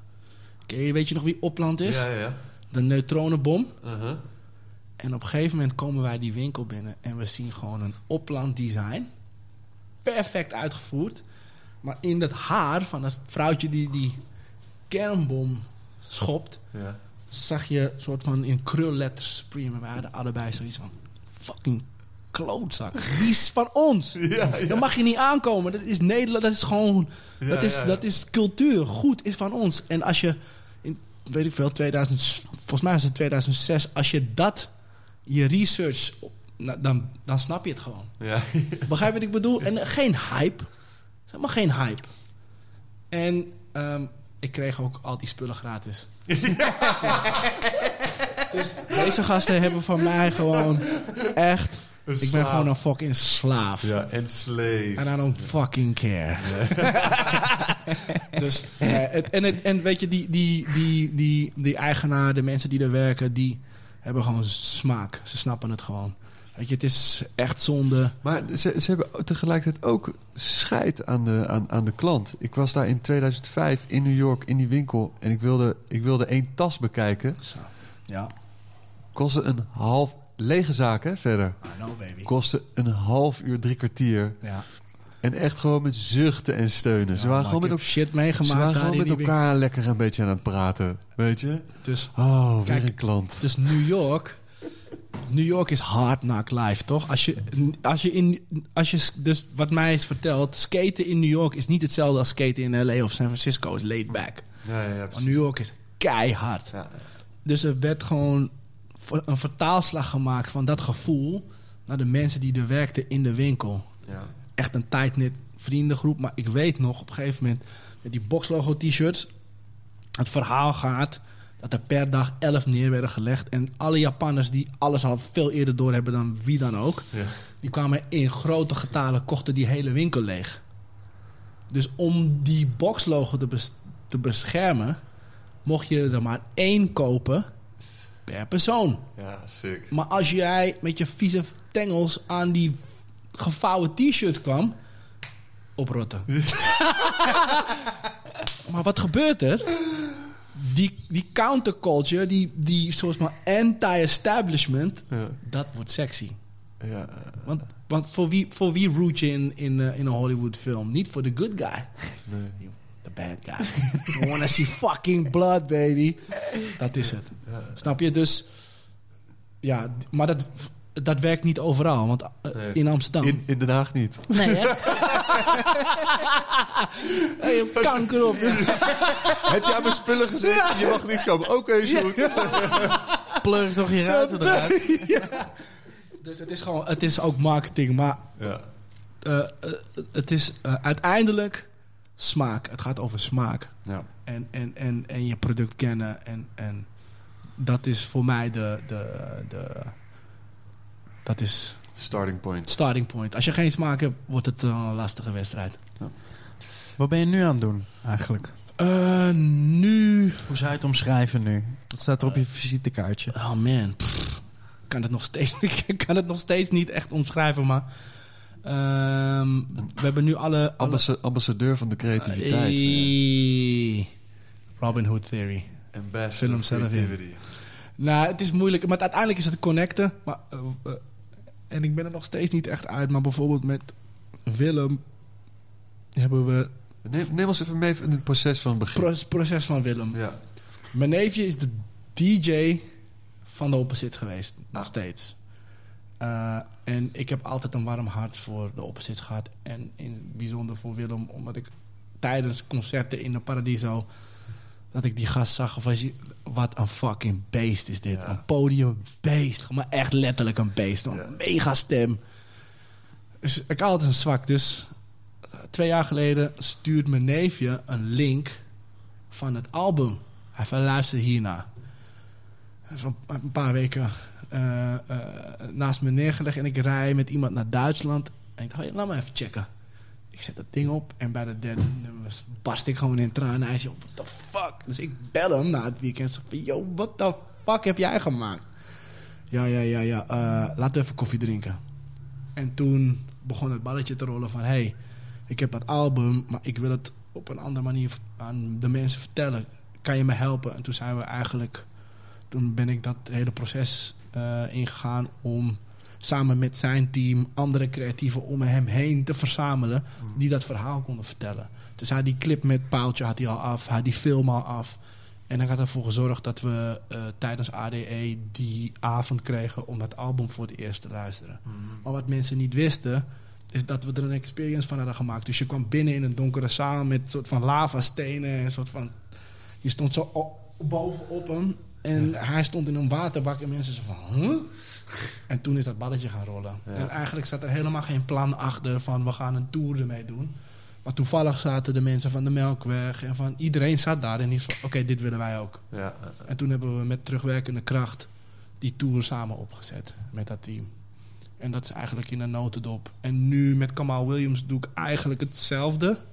Alleen neem je al die eh, ervaring van wat je met Willem hebt geleerd, neem je al eh, mee eh, vanaf het begin.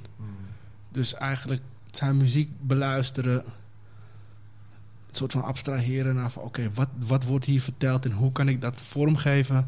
Hoe kan ik creatieven om hem heen verzamelen die dat verhaal gaan vertellen? Vanuit merchandise, vanuit album art. Eigenlijk het, het hele plaatje. Snap je? Dus merch is in principe al klaar. Alleen er wordt niet opgetreden. Dus dat, dat Ja, ja, weet koel- je dat. Koelkast. Ja, koelkast. Ja, ja. Maar het komt goed. Ja, ja, ja, ja. Eh, eh, en hetzelfde geldt voor Willem, weet je. Er zijn projecten zijn er nu gaande. We zijn nu al bezig van, oké, maar hoe gaan we dat vormgeven? Hoe gaan we dat vertalen straks naar op het moment dat we gas kunnen geven? Hoe gaan die shows eruit zien? En daarin probeer je niet te veel... Wat een nieuw project met Willem. Ja, een nieuw project, ja. Nieuw, nieuw, nieuw muziek. Amazing. Fucking hard. Let's go, maar goed. Komt En, eraan. en daar kunnen we één track van draaien, toch? Koos, wat gaan we doen? Oh, ik weet nog dat ik die plaat van Willem toen... Ik keer er was een ritje naar Amsterdam. Kon ik hem precies helemaal luisteren? Ja, ja. Ah, hij kwam helemaal gebroken die auto, auto uit, man. Ik zeg, wat heb jij gedaan? Ja, Ik heb een album geluisterd. Ja, het is, het is, het, eh, het is een smartlappen. Smartlappen album eigenlijk. En het is een dieseltje, weet je wel. Het is niet... Bam, maar het was echt al zo. Ja. En steeds meer mensen hebben committen aan dat album. En het is gewoon een tijdsbeeld. Het is een document geworden. Ja. Waar hij altijd naartoe kan grijpen. En altijd, yo, bam, wanneer nood. Dan weet je, en daarom, weet je, kom wel goed. Mijn eigen huis verlaten. Slaap bij vrienden op de bank. Voor mezelf een slechte vader. Totaal geen echte man. Probeer muziek te maken. Maar het voelt als zonder dwang. Want ik moet mijn hypotheek betalen. Als dat niet lukt, wat dan? Al weken niet geslapen. Thank God voor oxazepam. Is bijna met de auto omgeslagen. Maar ik had de engel aan mijn kant. De dagen, dagen, dagen, dagen, dagen. Mijn dagen duren lang. Op de straat op mensen vragen. Met de deal met jou en Twan. Money nood, money no. Money no, money no. Money no, money no. Money money je merkt ook aan het einde van het album komt er toch een stukje hoop nog, weet je wel, Ja, met, ja, eh, met achter de wolken. Maar je- dat moest eruit. En ik ben, ben gewoon heel dankbaar dat hij me de kans heeft gegeven om het samen met zijn team en zijn mensen en met mijn team om dat vorm te kunnen geven. En eigenlijk wil je dat proces van kunstenaar en andere artiesten en de, de hele eigenlijk de hele, het hele ecosysteem. Dat wil je bouwen. Dat is eigenlijk wat ik doe. Eigenlijk, dat is wat ik wil bouwen. Met, of het nou een merk is of, of, of een artiest. Gewoon tot de core gaan. Wie of wat is hij of zij of waar staat het merk voor? En hoe kunnen we met andere disciplines en met media en met kunnen we dat verhaal vertellen? Whew, that's it, baby. Ik Hoe was- ga ik dat op een Ja, fucking kaartje zetten? Ja, Maar sowieso vet, sowieso vet als je een eh, visitekaartje hebt van eh, wat je dan helemaal uit kan klappen. Maar dit Toch? Maar- hele dunne pagina. Oh, Nee, op een rol, man. Ja, maar ik moet die fucking website ook nog maken. Ik ben er gewoon Ja. niet naartoe gekomen. Ja, tegelijkertijd is dat is het misschien. Want we hadden het ook in de auto hier op weg naartoe over dat die ongrijpbaarheid van jou, dat, dat, dat blijft. Dat is ook je kracht, is gewoon. echt een Ja. kracht. Ik was twee jaar geleden in, jou, in jouw wereld eh, tijdens ADE. Hey. En eh, we hadden dat eh, een etentje met een sjaaltje. En het soundsystem van, van Boris in de kelder. Oei, ja. En dan, ze, na, na vier uur kwam ik er in, ik in één keer achter dat er rechts achterin nog een soort serre was waar je met latex kon spetteren. Dat is van Bart. Dat is van Bart Oh, dat is van ja, Bert. dat is van Bart Hes. Ja, Ja. ja. ja. ja. En ja, volgens mij ben jij toen nog niet eens in die, in dat, in die octagon van eh, Children of the Light Absoluut geweest. wel. Met die... Ja, ja, ja, Wauw. ja. ja. Ik moest Tom er op een gegeven moment uitslepen. Die lag er gewoon 40 minuten in te, in te spacen. Maar dat is gewoon mooi dat je, dat je op zo'n moment in dat weekend... een merk die zich fully commit en ook de vrijheid geeft. Shout-out to Lieve en Christel van Red Bull. En de vrijheid geeft aan die artiesten om dat verhaal te vertellen. Tijdens een, een weekend waar alleen... Weet Alleen je, maar bazooka's worden afgeschoten. Wauw. Ja, ja. Weet je, wauw. En dat is eigenlijk de ultimate, weet je. Hoe kan je mensen raken eh, met corporate... En hoe kan corporate geld of merken, hoe kunnen die daarbij helpen, weet je wel? En zeker nu in deze tijd, man. Fucking slecht. Met Geef artiesten. geld. Ja. Ja, ge- ja toch? Ja. Of in ieder geval, zorg ervoor dat je... Ga niet over Black Lives Matter appen. Doe iets. Snap je wat ik bedoel? Ga, ga geen hashtags eruit gooien, alsjeblieft. Just fucking... Het nachtleven gaat slecht. Ja, er wordt er genoeg gecanceld. Fucking hell, man. Let's do something, weet je wel. Ja. Fucking Aquasi heeft eh, eh, misschien niet het slimste gezegd ooit. Maar joh, help die gast, weet je wel. Ja, man. Zet mensen om hem heen, zodat hij... Begrijp je? Ga niet cancelen. Nee, we zeggen ook al eh, v- sinds Gerda Haven, nou, hoe heet ze ook alweer van Gerda eh. Gerda Haventong, eh, die probeert al sinds 87 het op een hele rustige manier uit te leggen. Dat werkt ook Dat niet, werkt toch? ook niet. Weet je, dus het is gebeurd. Ja, het komt Eh, ergens en, en vandaan. mensen moeten die boosheid ook gewoon een plekje... Die mocht, moesten hem ook gewoon een plekje geven. Maar nu, joh, laten we gewoon in fucking dialoog blijven. Ja. En let's fucking do this, weet je wel. In plaats van fucking cancelen en... eh, dat is het hem eigenlijk. Weet je eh, wat er bij eh, Mr. Wig staat op de Urban Dictionary? Oh my god. Nee? Nee. Yes. Ik weet wel dat wat eh Wieksen in het Duits is. Mr. Wiggs, Urban Dictionary, hè? had je eigenlijk moeten weten. Ik, Hey. dacht eigenlijk dat jij hem had geschreven, de Urban Dictionary. Gaan we, gaan we dit gesprek zo eindigen, ja? Nee, helemaal niet. En gelijk nu dan. Nu, nu afkappen. Klaar. Melvin is klaar. An English teacher who's a Patriots fan and needs to get his life together. Oh my man. Story of Urban fucking- Dictionary. Story. En why? Wix, toch? Ja, What? Mr. Wiggs gewoon. Ja. Mr. Wiggs. Mr. Wix. Dan zal ik je de Duitse versie geven. Mr. Wiekser. Hij maakt aftrekkende bewegingen. Obscene. En on that note. Kook je wel eens eigenlijk? Eh, ja. Want je hebt het de hele tijd over pizza's geen eten. Ik ben nu, nu moet je, je hebt jezelf Nee, nu hoog hold up, hold up, hold up, We, staan aan de keuken en ik zie hier voor het eerst in mijn leven Hey. een, een bak Hey. in het, het, in het Keukenblad, blad. Het Ja, dit is... eh, ja. Dit, dit, het idee is wel om dit soort dingen wat vaker te doen aan deze tafel. Ja. Daar is deze voor gebouwd. Eh, om een podcast op te nemen. Je hebt een podcastkeuken gemaakt. Nou, 100 procent. Nee, maar ehm, eh, het was natuurlijk een, eh, kort door de bocht. Pizza is mega lekker, maar meer...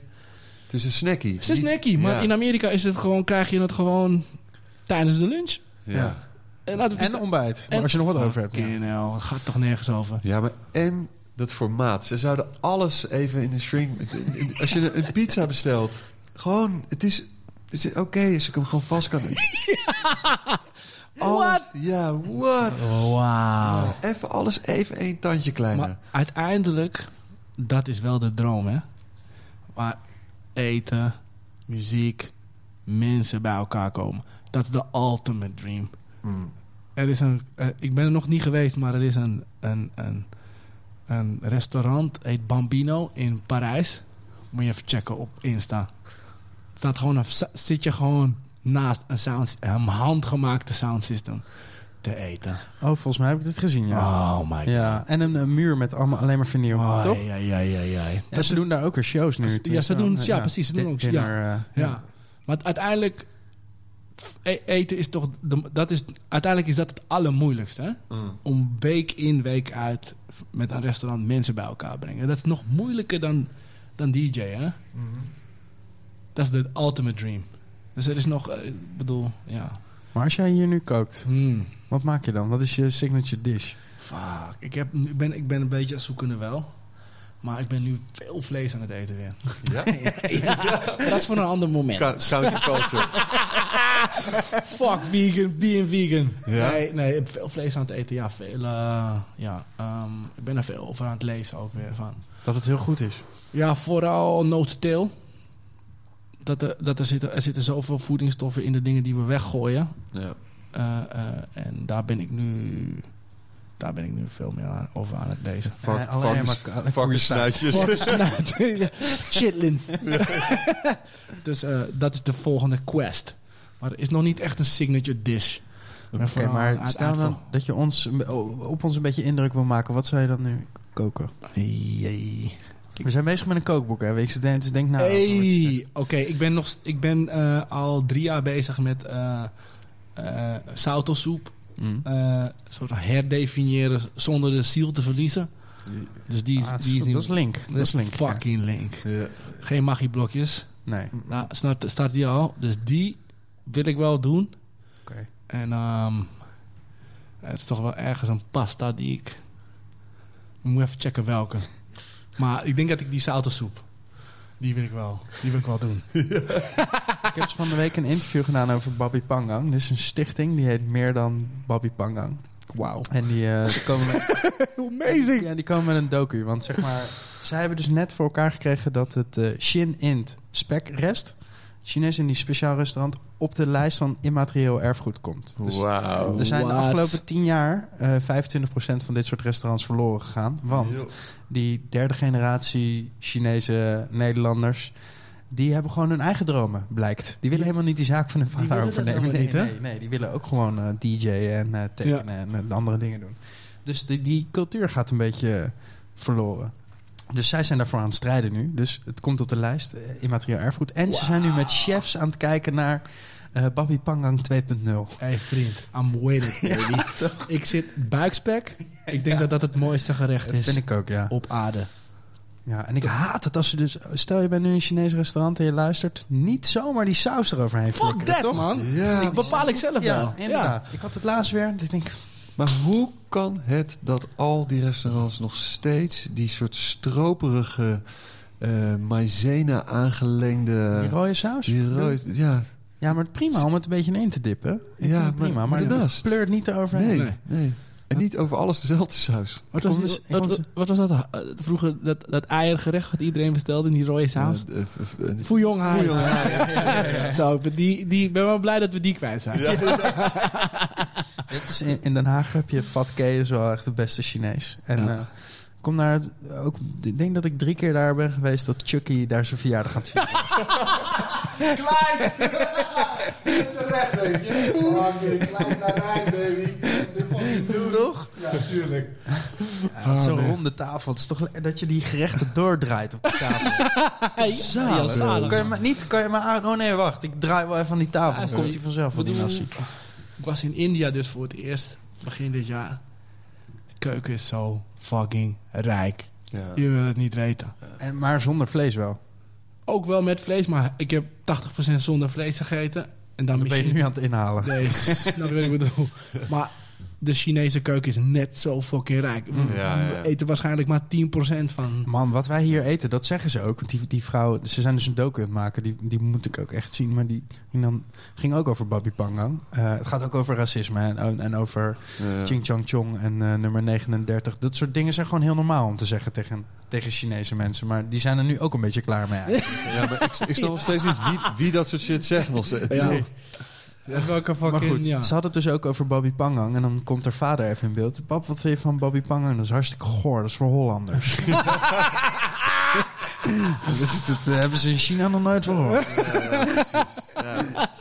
Ja, die saus gewoon. eh, de- de- Die saus al helemaal. Dat helemaal- bestaat niet nee, gewoon. precies. Die lange kroephoek is ook voor de Nederlandse markt verzonnen. ja, die is niet... Die... Dat bestaat helemaal niet. Nee, man. Heerlijk. Hey, Niks, en, en nu, eh, je, je zit, je zit met Kamal eh, er diep in, met Willem. Is, is er nog iets waar jij mee bezig bent in de zeg maar, future perspective? Tom en ik zijn, hebben, de liefde weer verklaard, gelukkig. Dat is ook Mm. maar grappie. En verder... eh, heel even on a backburner, alles. Gewoon Mm. eh, even aan het, aan het bijkomen van deze periode. Ehm, ja, met merken ben ik even... Ik, oef, ik voel hem even niet. Mm. Begrijp wat ik bedoel? Eh, ik, ik heb ook wel eh, een- een- echt een gek jaar van reizen en, en decks en presenteren achter de rug. Echt een beetje moe van.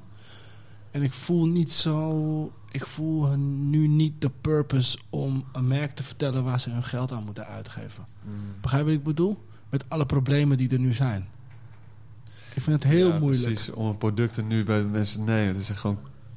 COVID is, is on their mind. Yo man, Ja, we gaan slecht met z'n allen. ja. En, ik, ik, en dat vind ik, dat vind ik de, de, de, de moeilijkheid. Normaal had je muziek om mensen bij elkaar te brengen, maar zelfs dat lukt niet. Dus moet je nu helemaal richten op eh, podcast, weet je. Broer, Och, ik och. werd twee dagen geleden nog verketterd dat ik, ik ben verslaafd. Ik ga ermee naar bed. Ik, ik, ik, val er ook, ik, ik val er ook mee in Wat, slaap. wat luister jij veel? Nou, bijvoorbeeld nu, gisteravond heb ik eh, in het Rijks, heeft een hele toffe serie. En dan had ik nog eh, drie afleveringen, eh, of vier afleveringen over Rembrandt. Dus dan pakken ze iedere keer één kunstwerk uit het Rijks. En die gaan ze helemaal ontleden. Wie, wie, wie is de narrator? Het zijn verschillende. En dat, daar hangt het ook wel vanaf welke bij Die- mij in ieder geval aanslaat. Ja, precies. En dus die, dus die vrouw die ook zomergasten doet. Ik ben niet zo goed met namen, maar die, die vind ik heel... Frederik, is dat Frederik? El, El, eh, Janine El. Zoiets. Anyway, die, eh, die vind ik fantastisch. Dus dan luister ik het helemaal. En dan gaat het over een zilveren kan. Abbing. Jan- Ja. Ja, ja, ja, ja. Anyway, een zilveren kan die door een Nederlander is gemaakt. En dat is nog steeds ongeëvenaard. Die, die guy is eh, dus twee broers in, uit Utrecht. En die ene guy is gaan reizen door Europa naar Praag, naar het Hof en naar, naar, naar, de Medici-familie in eh, Florence. En eh, die twee broers die maken afzonderlijk van elkaar in eenzelfde soort techniek dat zilver wat ze bewerken. En dan, eh, nu heeft dus die, die, die ene gaat dood in, in Praag en zijn andere broer maakt dan uit één stuk zilver een kan. Ja, dit- dit- dit- ik, ben, eh, ik ging om één uur naar- en nog om drie uur was ik nog steeds zat ik helemaal in die kan. Weet je, een heel klein dingetje. Het onderste uit de kan gehaald. ja, echt het onderste uit die kan gehaald. ik, gaf, ik gaf. Ik gaf, Gaf me aan. ja, ik gaf hem aan. Maar dus dat... Maar wat is dat toch? Dat, want ja, ik, heb, ik deel diezelfde... De- weet je wat, voor, voor mij is het in ieder geval de, eh, het gesproken woord als overlevering van een ervaring of een verhaal. Ja, En op het moment dat het eh, eh, op tv is of er is een film, dan is het geluid, het is beeld, het is effect. En, en er, zijn, Ja. er zijn allemaal dingen. En daar, daardoor kan ik zelf niet nog ook dingen processen of nog aan andere dingen denken. ik heb, ik, ik, ik heb denk ik het minst gekeken van alle tijden dat ik Netflix heb in deze periode. Ja. I really didn't care.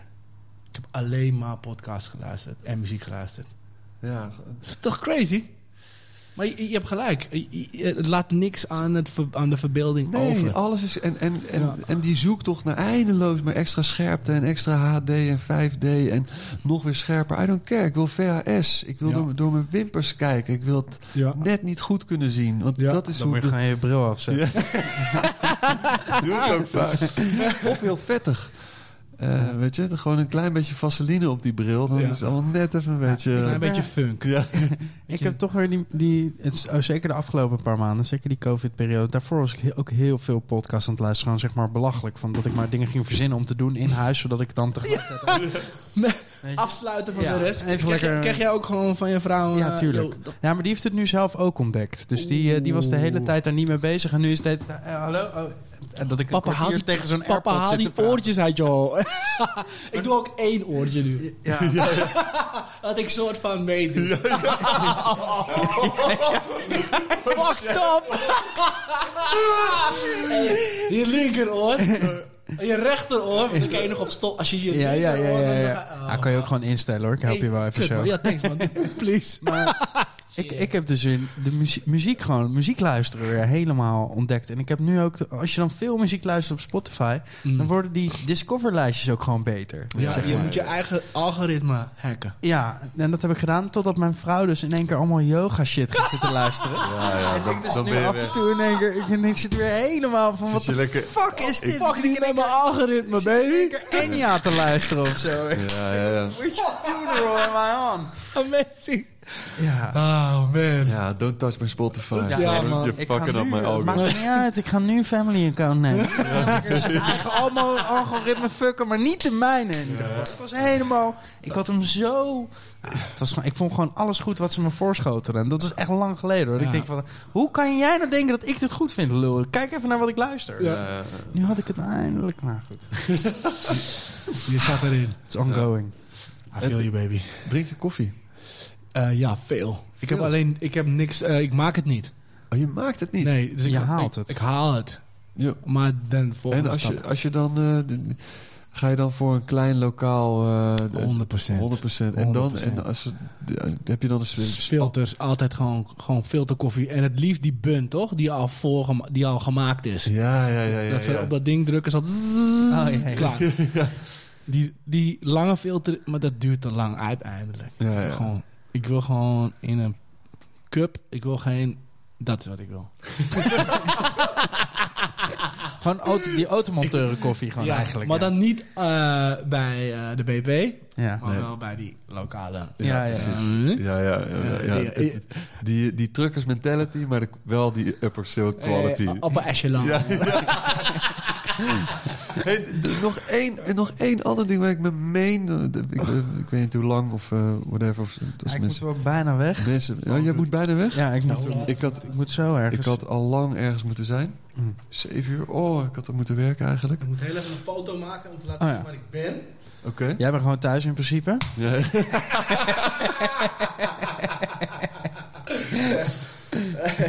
Maar vertel. Eh, Pikal. Ja. Is- is- Nou, wat, wat- d- hoe is De dat? connectie. Ja. Eh, toen ook weer Para eigenlijk. Eh, Para had een show in 2003. Simultaan eerst in Zwitserland. En hetzelfde jaar in Parijs. En die gallery shows zijn altijd saai, toch? Ja. Zeker als er wordt gedj'd. Dus eh, grafisch ontwerpen zijn een van de beste muziekcuratoren in de wereld. Want wat doen ze? Ze zijn aan het werk Ja, en en, dan luisteren ze constant muziek. ja, ja, Dus wat deed Piet? Die gaf mij al zijn juweeltjes altijd. Yo, luister dit. Hij had het al, hij had het al gefilterd voor me. Of het nou Garage Rock was of Italo. Hier, luister dit. En toen hadden we een soort grap bedacht. Dat als, je, als wij draaien na jouw show, dan noemen we het Parasound System.